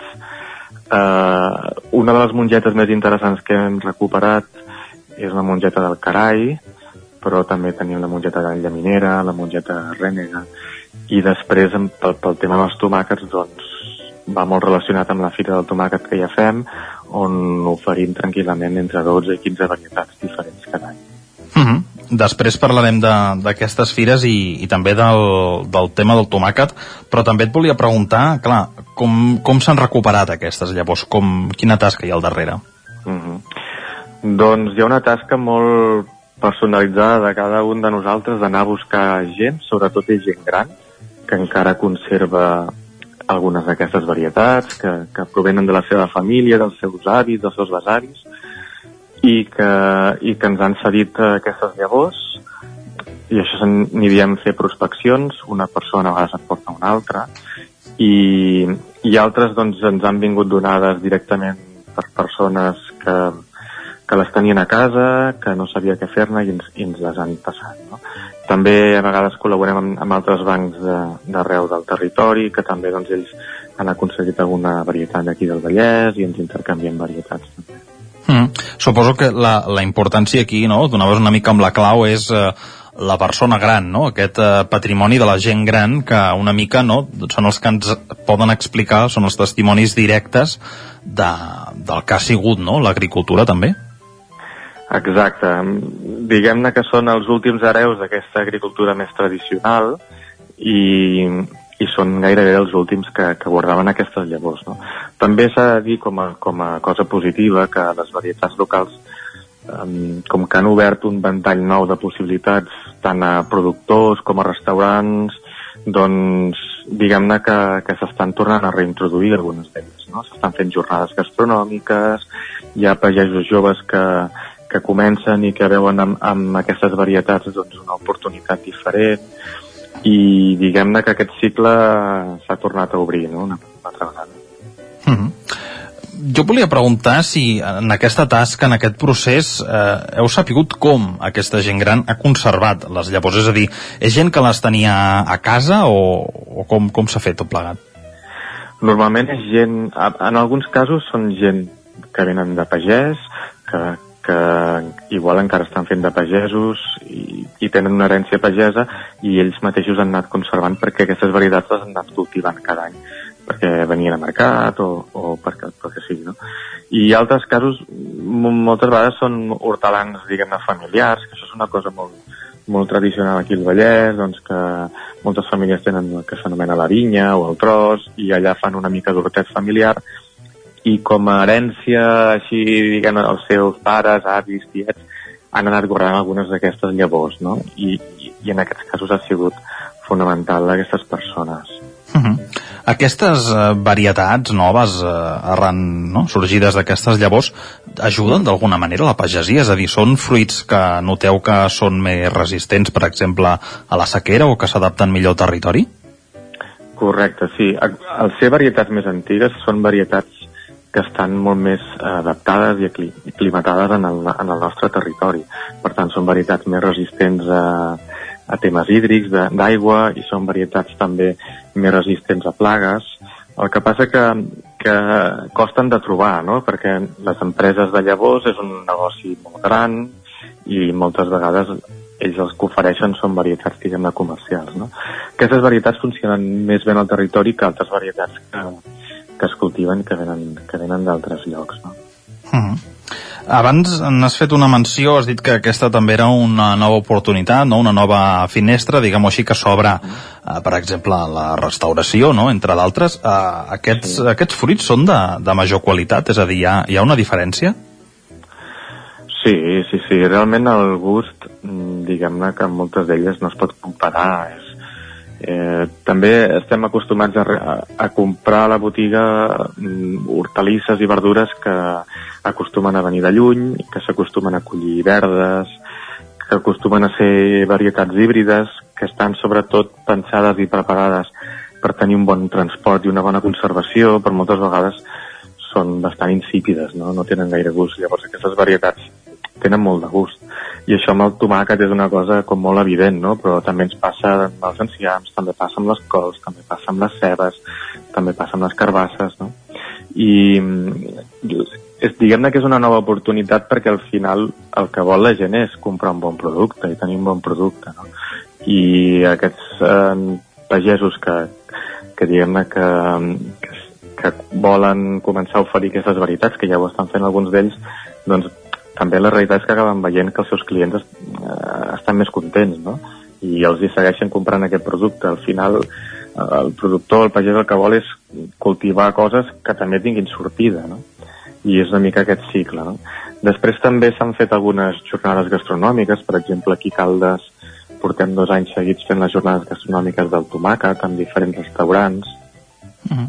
i això també, diguem-ne, que enllaça petits pagesos de la zona, que tampoc són molts, i també s'agraeix que, que tinguin sortida els seus productes de manera de proximitat i, i treballant tot el tema del quilòmetre zero, aquests productes acaben a restaurants que els ofereixen en els seus plats i diguem-ne que aquesta proximitat és, és molt interessant també per un tema econòmic, d'economia circular, no? i de donar valor a, a la gent propera al territori i aquest, aquest diguem aquesta manera de fer les coses amb més cura que no pas doncs, altres productes que et poden venir doncs, d'Almeria o d'altres llocs molt més llunyans que, que realment són molts dels que ens trobem a les botigues normalment. No? El que se'n diu una mica tancar el cercle, no? Exacte, sí, seria el quilòmetre zero perfecte, és a dir, la varietat mm. local del Vallès, cultivada per pagesos del Vallès eh, i consumida a restaurants i a cases de, de, de persones d'aquí del territori. No? Uh -huh.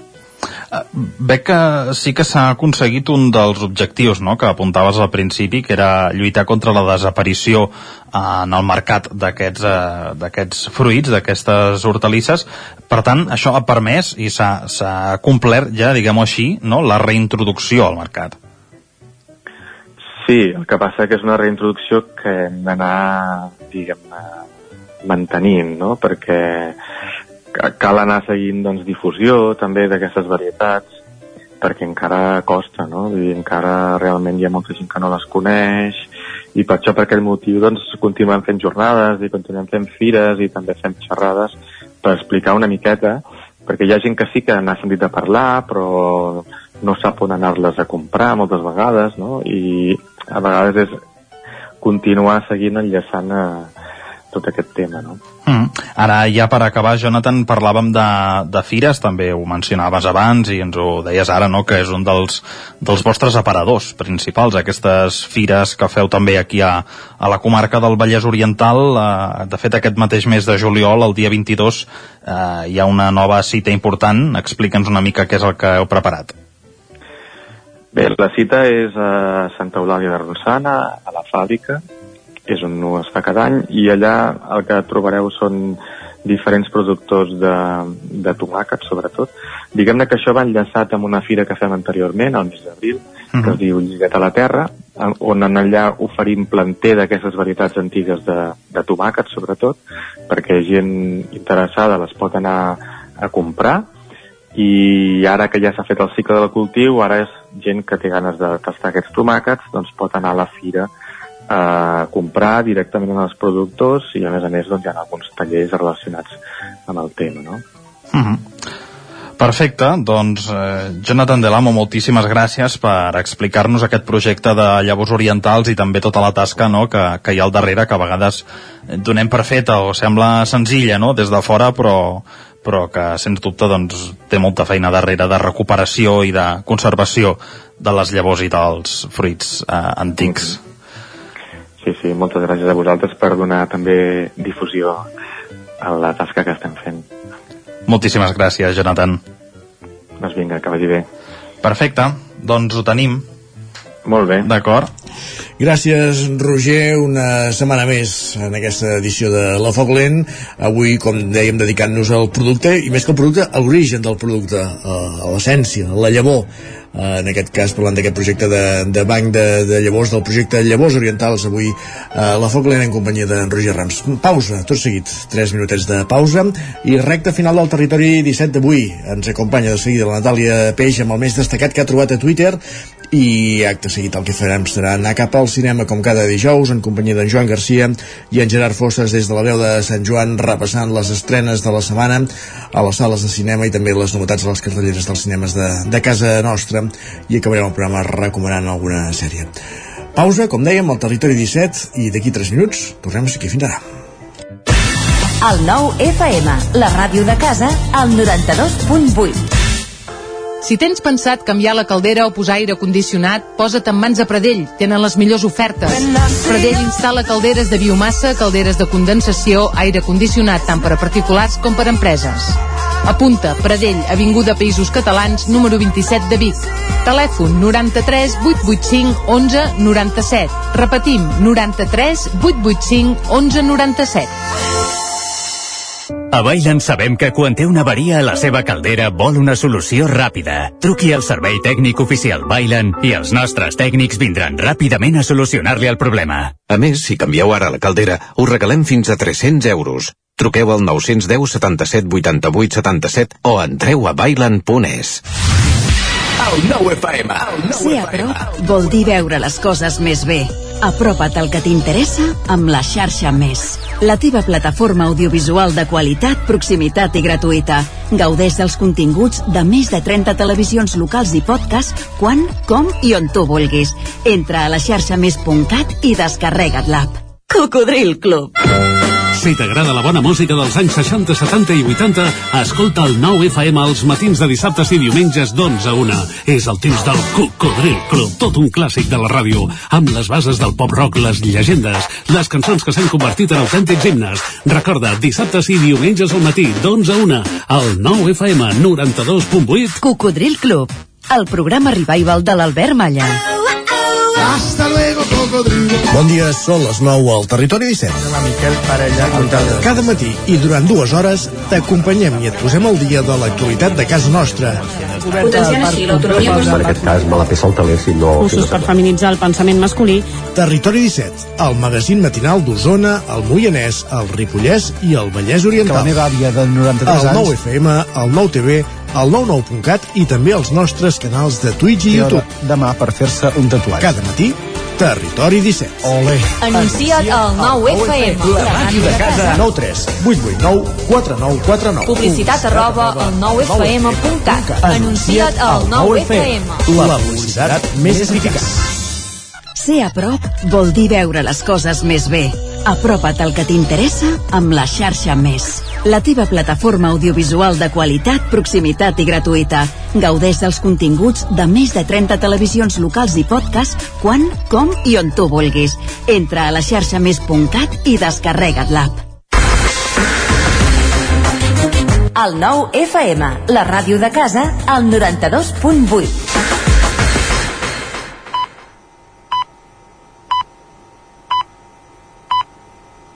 Ara mateix, dos quarts d'onze al territori 17.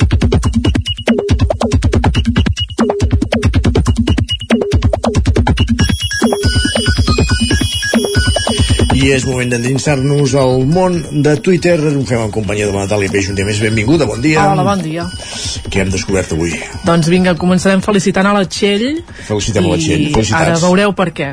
Diu, ull, als meus gloriosos 51 anys he acabat la carrera de filosofia.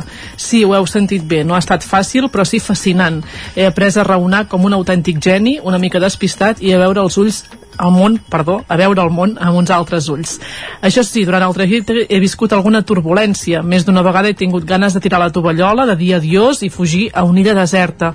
No és fàcil estudiar si P és Q mentre la rentadora està en ple apogeu o filosofar sobre l'absolut mentre tens dos, ne dos nens tancats en un pis del segle XXI fent de les seves.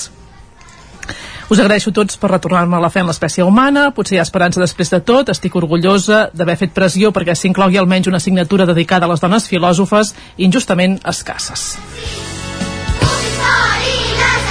Doncs la felicitem, clar que sí. Doncs vinga, està molt bé, Enhorabona. està molt bé. Exacte. Acabar la carrera de filosofia i fer-ho això, amb una situació familiar doncs, que, Que no pot no, no ser senzilla, a més a més combinant-ho també amb, amb feina, que això és un fil, diguem que n'hem extret alguns tuits, però n'hi havia bé. més i també ho explicava. Perfecte. Vinga, en Jordi Graupera eh, ens adjunta una fotografia i veiem llibres dins d'una caixa sí. i podem llegir, per exemple, entre els autors a Goethe o a Emil Zola. I explica en Jordi Graupera. Estava davant d'una escola i he vist una dona que es dirigia al contenidor amb aquests llibres. Carai. Es veu que estan repintant l'escola i aquest format els nois ja no el fan servir. Li he demanat si me'ls podia donar i ara tinc un tresor. Doncs han, han trobat un bon destí molt millor del que, del que els hi esperava. Sí, sens dubte. Mare de Déu, senyor. Més coses. Vinga, en Manel Vidal fa una piulada, eh, diguem, entre això, entre fer anys i estar a prop de les vacances, però encara, encara sense tocar-les. Diu, fer-te gran vol dir perdre paulatinament la capacitat d'il·lusionar-te, però no hi ha una pèrdua simètrica de la capacitat de decebre't, que seria el que ho convertiria en un tracte just. És una trampa. Carai. I afegeix, també pot ser que necessiti vacances. Estem molt filosòfics avui, eh? Hem recollit algunes respostes. En Llorenç li diu i penso sovint en això i crec que és millor pecar d'entusiasme que ser un desencantat. Passa que la línia entre l'entusiasta i el flipat és difícil de veure a vegades. De vegades és cert, sí. I la Teresa també respon a Manel Vidal i diu quan ja t'has fet molt gran, la cosa s'equilibra i és menys dramàtica. Potser perquè comencem a repapiejar. Carai. Repapiejant. Molt bé, més qüestions. L'Isaac Vilalta, periodista, el tenim el aquests dies voltant al Tour de França. Diu, ell sí, és molt guapo, correr el Tour, però insisteixo, també molt cansat. Etapa 5 i ja s'ha vist un periodista dormint sobre una taula a la sala de premsa i un membre de seguretat dormint en un control de pas. Espera't, tot just és el dia 5. Exacte. Ara Encara queden unes quantes etapes. L'altre dia vaig tenir la sensació que era molt poc romàntic això del Tour, no? de seguir el Tour, perquè al final el que vas és de final d'etapa a final d'etapa i, i al final acabes veient les bicis per la tele per com faries a, a la redacció o al sofà de casa, diguéssim. Sí, sí. Però vaja, eh, llavors pots entrevistar Segurament, els ciclistes. els ambients a, a les arribades i a les sortides també són, Diferents. són interessants. Exacte. I una altra cursa que comença avui per a alguns periodistes és la campanya electoral avui a les 12 del 23 de, de juliol, sí, exactament. Uh, ja sabeu que el dia 23 hi ha eleccions al Congrés i al Senat i que després d'una marató que ja ha fet el món periodístic en les, les eleccions municipals, doncs n'arriba una altra. La Mar Poyato de rac mostra una maleta amb, entre d'altres, el micro de l'emissora i diu una altra maleta preparada que tornarà plena d'històries, una nova ruta que arrenca demà i s'allargarà durant 15 dies, viatja al 23J. I, per cert, Mar Poyato cobreix la campanya de Vox. Que sigui lleu, que li sigui lleu, evidentment. I acabarem eh, també en l'àmbit polític i amb aquest debat que hi ha sobre el vot i l'abstenció, que sí. sembla que està tenint un impacte destacat, si més no, a les xarxes, amb una pilada d'en Jaume, la deixem anar per la reflexió. No penso participar en cap campanya ni a favor ni en contra d'anar a votar el 23 de juliol, que cadascú faci el que consideri millor, totes les opcions són respectables. Però sí que hi ha una cosa que no és certa i que penso que cal dir-ho. L'abstenció independentista a les eleccions no afavoreix el PP i Vox, més aviat perjudica aquests dos partits. La culpa és de la llei d'ON, que en tots els comicis afavoreix els de dalt i perjudica els de sota. Per tant, l'abstenció independentista, paradoxalment, beneficia PSOE i Podem i no l'extrema dreta. Potser per això tampoc no els veiem a Catalunya fent grans crides a la participació. Potser per això. doncs queda dit aquesta reflexió. És interessant tot plegat perquè al final un com a persona pensa ja m'empipa prou que em diguin els polítics que he de fer que també m'ho diguin qui no són polítics que no tenen res en joc en aquestes eleccions i que vinguin a dir que, que he de votar i que no, en fi coses d'aquestes que... En qualsevol cas que tothom Fàcil hi reflexioni, no? I, I, i que, que faci, que prengui una decisió conscient. Correctament. Gràcies, Natàlia. Vinga, que vagi bon molt dia. bé. I nosaltres que avancem al territori 17 hem repassat uh, que hem, més destacat que hem trobat a Twitter i ara és moment d'anar cap al cinema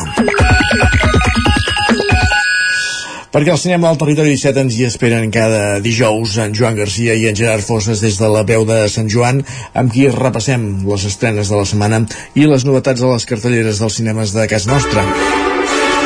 Joan, Gerard, benvinguts, bon dia.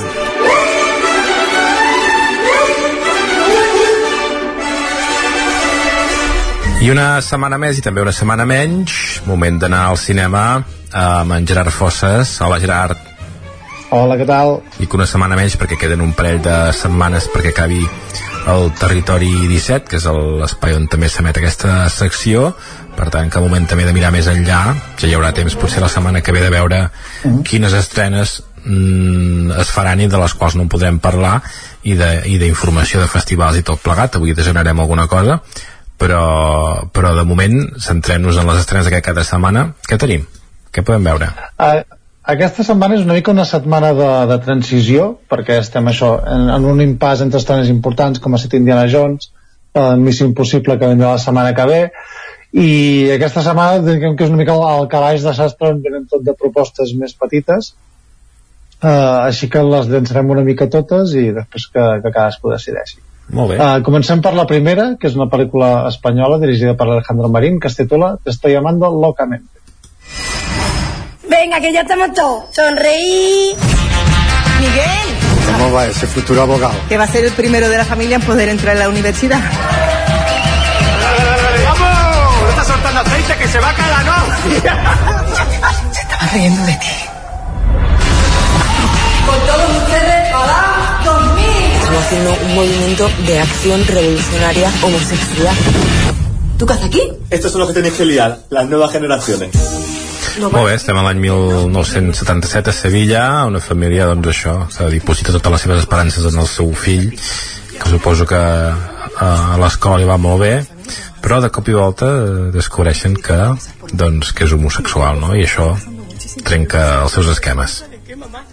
Exacte, bueno, aquest gran tema, no? sobretot ara que venim de, del mes del Pride, um, i la reivindicació dels drets LGTBI, um, aquesta és una pel·lícula que, que això tira molt de tòpics, que és molt blanca realment, no, no, té, no té un gran valor crític ni, ni un discurs que se surti dels tòpics però al final és una pel·lícula que funciona molt bé perquè és, té aquest punt molt pedagògic i a més a més en un moment on crec que socialment sembla que estem en, en un punt de retrocés com a mínim a, a nivell de, de valors o de o d'acceptació de drets i llibertats.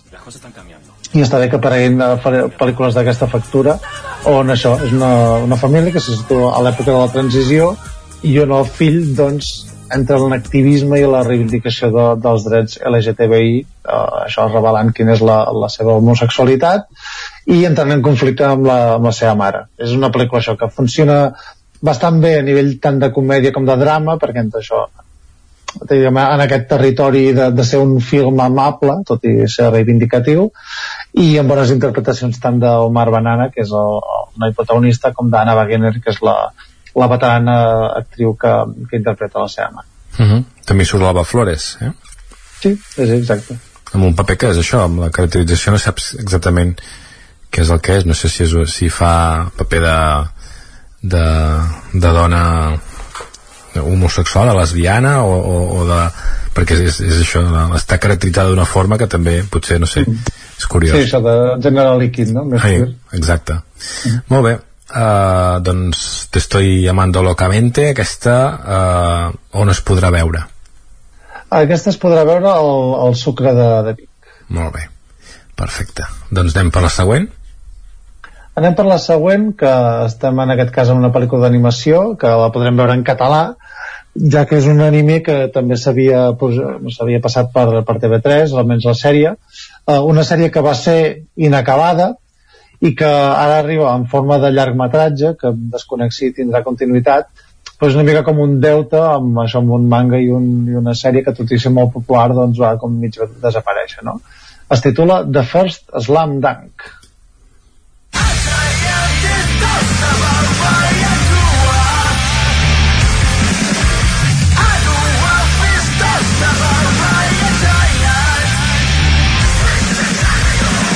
som-hi. cal que passem més trailer perquè hi ha molta música, molta imatge però clar, això per la ràdio no és gaire no és gaire radiofònic, però vaja, estem parlant sí, d'equips de, de bàsquet, no? De bàsquet.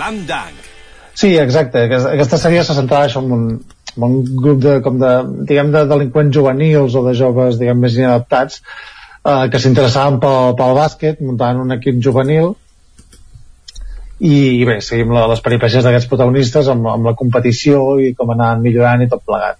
Um, aquesta pel·lícula no és un, un reboot de la sèrie, no, no és com un reinici i torna a explicar la mateixa història, sinó que ens porta ja uh, a moments posteriors a la sèrie on aquest equip que ja guanya el títol regional o alguna així, doncs va al campionat nacional i se centra tot al voltant d'un partit.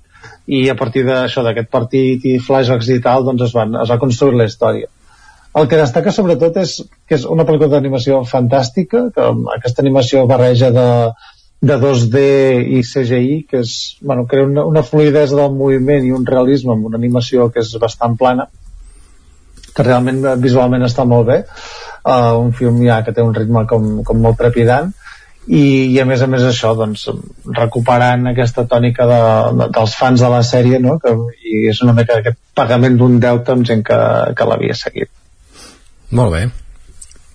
Per cert, comentar també que no, no s'ha de ser ni aficionat al bàsquet ni, ni aficionat a la sèrie, és una, una pel·lícula que funciona per, per si mateixa i que, que pot agradar a un ampli aspecte de públics.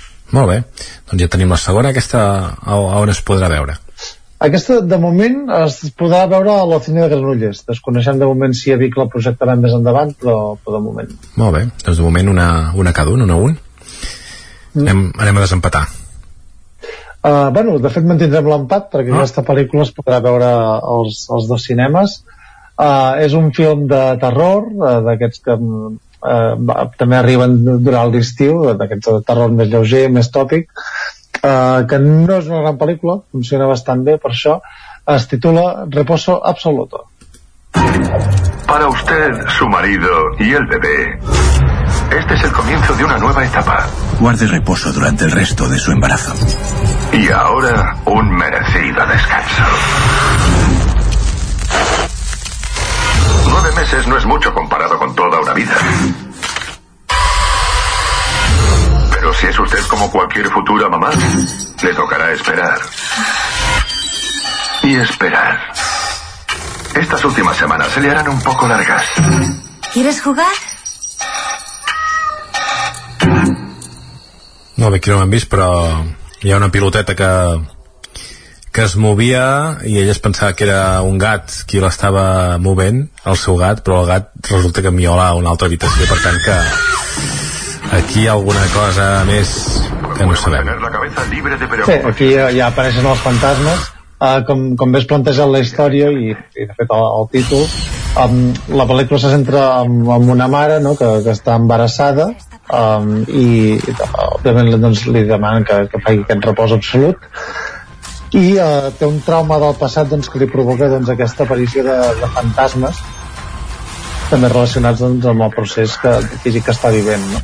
Ara hi ha tota una onada de terror des de, des de fa uns quants anys portem 5-6 anys més o menys que, que relacionen molt aquest tema de, de la maternitat i de la paternitat amb, amb, amb el cinema de terror no? amb, amb els traumes que, que s'inculquen als fills amb, amb les pors de, de com han les coses amb el tema de formar una família quan, quan l'encàs no és el correcte uh, i, i, i això s'està creant tota una tradició i aquesta és una pel·lícula més és un film molt ambiciós i ja et dic, el problema és que acaba caient en, en llocs comuns. No, és, diguem que és molt fàcil empatitzar amb la protagonista no entra en problemes més complexos quan realment eh, estan allà tot i que no estan ben explicats.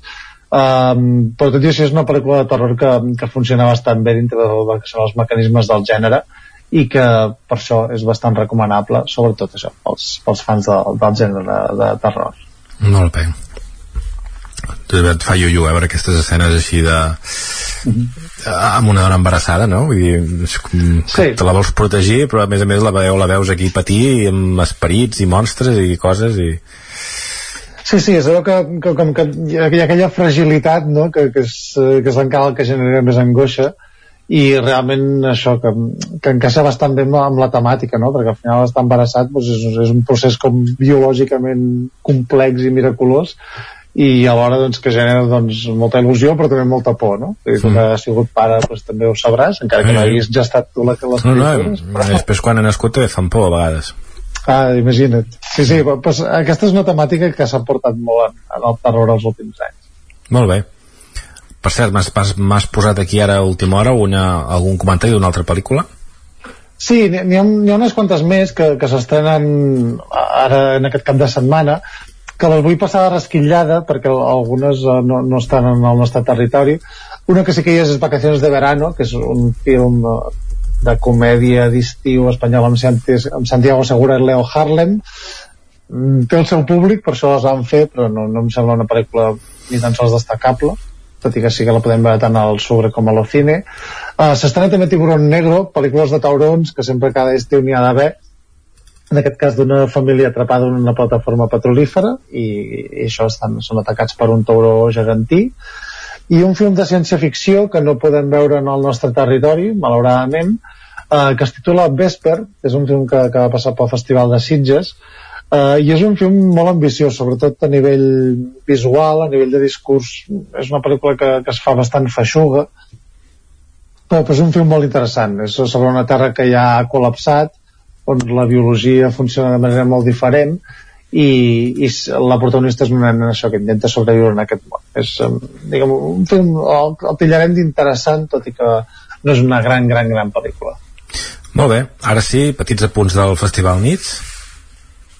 Sí, només comentar que ja en parlarem més endavant del Festival Nits, però eh, se celebra, recordem, a les dates del 18 al 23 de juliol, eh, clausura el mateix dia de les eleccions, o sigui que espero que no, que no us toqui o que no ens toqui més electoral.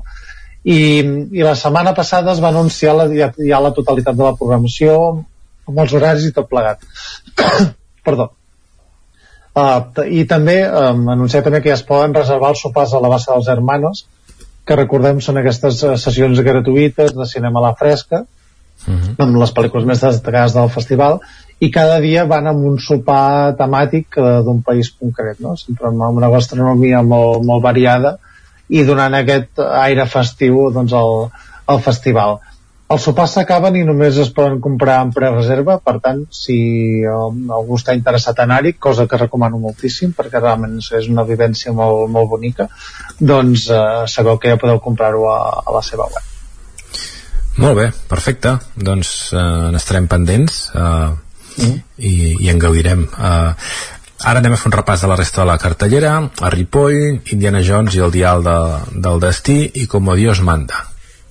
Sí, Ripoll mantenen Indiana Jones en cartell, òbviament una pel·lícula tan popular, doncs això dona més espai perquè hi vagi la gent, i com Dios manda és una d'aquestes uh, pel·lícules comedietes d'estiu, també amb Leo Harlan, que pel que sigui doncs és la, la cara del cinema espanyol en aquestes pel·lícules de comèdia estival.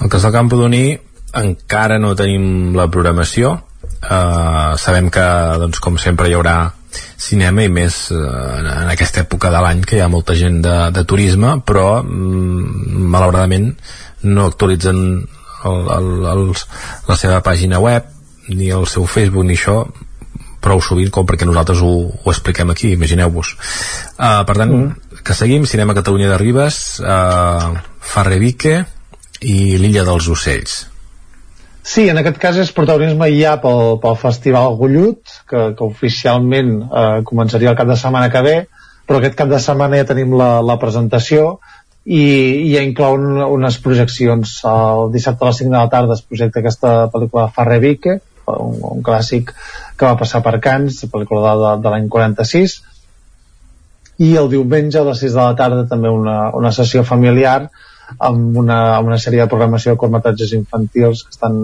englobades en, en aquest film que es titula L'Illa dels Ocells. L'Esbarjo de Cardedeu fan com un recull de pel·lícules que no són novetat, no? Crec. No, l'Esbarjo de Cardedeu, la, la, la seva proposta del juliol és els dimecres fan un, un cinema a la fresca, a la Serreta, o sigui, que el cinema no, no fa la seva programació habitual durant estiu, la recuperen al setembre, però sí que hi ha aquestes projeccions de cinema a la fresca els dimecres. Mm -hmm la setmana passada ens vam saltar eh, projectant Call Me By Your Name eh, bueno, perdó, ha estat aquesta setmana i la setmana que ve, dimecres 12 projectaran eh, el, el film d'acció protagonitzat per Brad Pitt, eh, Bullet Train. Mm -hmm. molt bé. Uh, quan toqui ja en parlarem però també és, hi haurà canalles i Elvis però això és més endavant. Sí, i la setmana que ve. uh, l'Alter de Torelló res el Cinema Alhambra Petit Fleur una vida no tan simple, Indiana Jones i les ocho muntanyes. Hmm. Aquí amb els seus rànquings, les ocho muntanyes ja per la tercera setmana, Indiana Jones es manté, i incorporen aquests films d'estrena de, recent com uh, Una vida no tan simple i Pequeña Flor, que uh, Pequeña Flor la recomano bastant, és un film que um, d'origen argentí-francès que va passar per, per Sitges i és una comèdia de terror bastant punyent. Molt bé. Indiana Jones, per cert, que la fan eh, en diferents sessions, en català, en castellà i en versió original, per tant que mm. la gent de, de la Garriga pot triar perfectament. I amb això acabem, perquè doncs, el casal de Gràcia de Manlleu no hi ha res fins al setembre i el Cineclub de Vic tres quarts del mateix. S'acosta l'estiu i, i òbviament doncs, estem, en, bueno, estem en ple estiu ja uh, tot i que el temps no ho indica tant sí. uh, i això, hi ha, hi ha molts cines en aquest àmbit més local o sessions de cineclubs doncs, que tanquen la, la temporada uh, així que ens centrarem només en les sales que, que sí que mantenen la seva programació Només per curiositat, uh, Indiana Jones què? Uh, a mi m'agrada molt uh mhm. -huh. la, la, la vaig disfrutar moltíssim i crec que encaixa molt amb el que és un el que, el que pot ser actualment un film d'Indiana Jones, no? amb un Harrison Ford amb, amb 82 anys eh, on les escenes d'acció òbviament no, no són el que eren ni, estan rodades com, com es podien rodar abans quan, quan Harrison Ford podia fer coses realment. Però, però és una pel·lícula que, que encaixa molt bé dintre l'univers d'Indiana Jones amb aquesta mirada nostàlgica alhora també doncs, reivindicant la, la figura de, del personatge d'una manera molt, molt romàntica. I sobretot l'últim terç del film em sembla fantàstic. Mm -hmm. per tant em sembla com un comiat de personatge molt, molt bonic i molt a, a l'alçada de la franquícia uh, en el qual fins i tot jo incloc la quarta, la Calavera de Cristall que no ha agradat a massa gent perquè jo segueixo pensant que és una, un film molt reivindicable mm -hmm. Això que de moment no, no té gaires bones crítiques, no? Uh, bueno, és el, el que passa, no? És, uh, quan, quan tu has, estàs acostumat a una cosa i ara et trobes això, diguem que has de fer un exercici de, d'entendre de, que, que, que ha passat el temps com és normal i que no, no pots veure una pel·lícula com, com es feia abans ni amb, amb el personatge que tu coneixies i tot i així l'escena inicial d'Indiana Jones que sempre és com les pel·lícules de James Bond no? que sempre comença amb una pel·lícula amb, diguem, amb una, diguem, una petita escena que està com aïllada de la pel·lícula, entre cometes. Mm. Uh, aquí és una escena bastant llarga on veiem l'Indiana Jones rejuvenit doncs, fent la, la seva acció habitual no?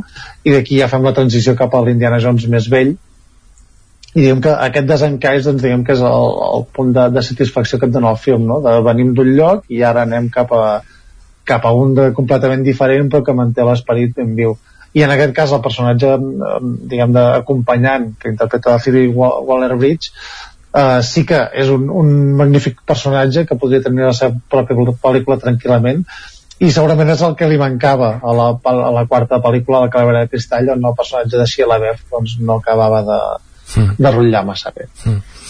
Mira, eh, hi ha l'humorista guionista Manel Vidal que va fer un tuit que, que resumeix amb humor això que ens comentaves tu, la teva visió, i diu he anat a veure Indiana Jones i m'ha flipat tant que he pensat que quan menyspreava la nostàlgia la considerava un error de la memòria propi de gent pesada i dèbil, l'únic que em passava és que era jove per tant que s'ha convertit eh, en aquest que, que ell considerava pesat i dèbil eh, i que tenia nostàlgia sí, sí. I, i a més a més han sortit dades de, de taquilla que s'ha fet bueno, una mica d'estudi demogràfic però la majoria de gent que ha anat a veure aquesta pel·lícula com, amb un percentatge bastant alt són majors de 35 anys mm. per tant és gent que ha crescut amb aquest personatge ja sigui des dels inicis o, o recuperar-lo més, més tard però no, no és un film o un personatge que tregui un públic nou és, és gent que òbviament va allà doncs, per, per la nostàlgia no? i en aquest cas també per, per celebrar aquest comiat i dic, tot i que no és un film de Spielberg i no és un film uh, més sòlid del món ni res de tot això mm. uh, com tampoc ho eren segurament les altres uh, però és una magnífica pel·lícula d'aventures que, que funciona a la mar de bé o sigui que jo, jo vaig sortir del cinema la, molt satisfet, la veritat molt bé, Gerard, la setmana que ve més. Molt bé, fins la setmana que ve ja amb un repàs de totes les estrenes d'estiu. Que vagi molt bé, adeu-siau. Territori 17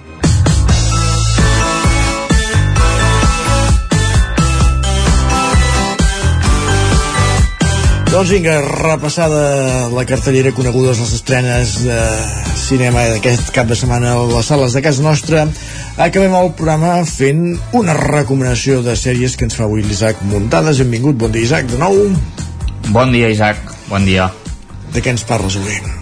Mira, us parlo de Perros de Caza, eh, en anglès el títol original és uh, Bloodhounds, uh, una sèrie d'aquest any, coreana, ja sabeu que a mi les sèries coreanes són la meva ah, debilitat. Sí, sí. Sí, sí, m'agraden molt, totes les que he vist són molt bones. Uh, vuit episodis, uh, que en principi crec que és autoconclusiva, em falta un episodi, per tant tampoc us ho sé, ho sé dir, més o menys tots tenen una, una durada d'una hora, i, i bàsicament està ambientada en l'època de, del coronavirus, Mm -hmm. d'acord? Eh, potser podríem dir no al principi, sinó ja que han passat uns mesos i que ja les restriccions d'anar pel carrer i això s'han aixecat i es tracta bàsicament d'un noi que a la seva mare l'enganyen eh, amb un préstec i aquest i fa que doncs, aquest préstec eh, s'acumuli i hagi de pagar més diners i vagin doncs, una sèrie de persones allà a intentar cobrar-lo i bueno, li destrossen la cafeteria perquè són usureros, per dir d'alguna manera sí? no, no, ara no em surt la paraula en català, no? però bé, Usur, són d'aquesta gent que... No? Sí, sí. sí, usurers doncs, uh, i, i bàsicament uh, aquest noi acaba treballant per un usurer que, és, que sí que és bona persona i que dona els préstecs a interès zero per ajudar la gent eh, aquest noi a més a més és boxejador amb un altre amic boxejador que, que lluiten en el, en el primer episodi es fan amics i, i treballen doncs, per, a, per a aquest senyor i a partir d'aquí doncs, es desencadena aquesta trama de d'intentar per dir-ho d'alguna manera, eliminar doncs, aquest, uh, aquests usurers dolents, sobretot encarnats en la figura de, de, del dolent, que, que és un personatge uh, fosc, un empresari així doncs, que és molt ric i doncs, que, que bé, una, una mica seria aquesta la, la premissa i és una sèrie que podríem dir que el més interessant són les escenes d'acció grans Mhm. escenes d'acció amb combats cos a cos espectaculars que realment, sobretot en els capítols 4 i 5 que ara recordi, són molt bones, molt ben fetes Netflix? Netflix Molt bé. Mhm. Doncs Perros de Caza, la recomanació d'avui de l'Isaac Muntades. Gràcies, Isaac, fins demà. Fins demà. Bon dijous. Adéu, bon dia. I acabem també aquí al territori 17 d'aquest matí de dijous, 6 de juliol de 2023. Us hem acompanyat des de les 9 Pol Grau, Maria López, Pep Acosta, Roger Rams, Natàlia Peix, Gerard Fossa, Joan Garcia, Isaac Muntades, Sergi Vives i Isaac Moreno. I tornem demà a partir de les 9 del matí. Serem divendres a les portes d'un nou cap de setmana. Fins aleshores, bon dijous i gràcies per ser-hi. Adéu-siau.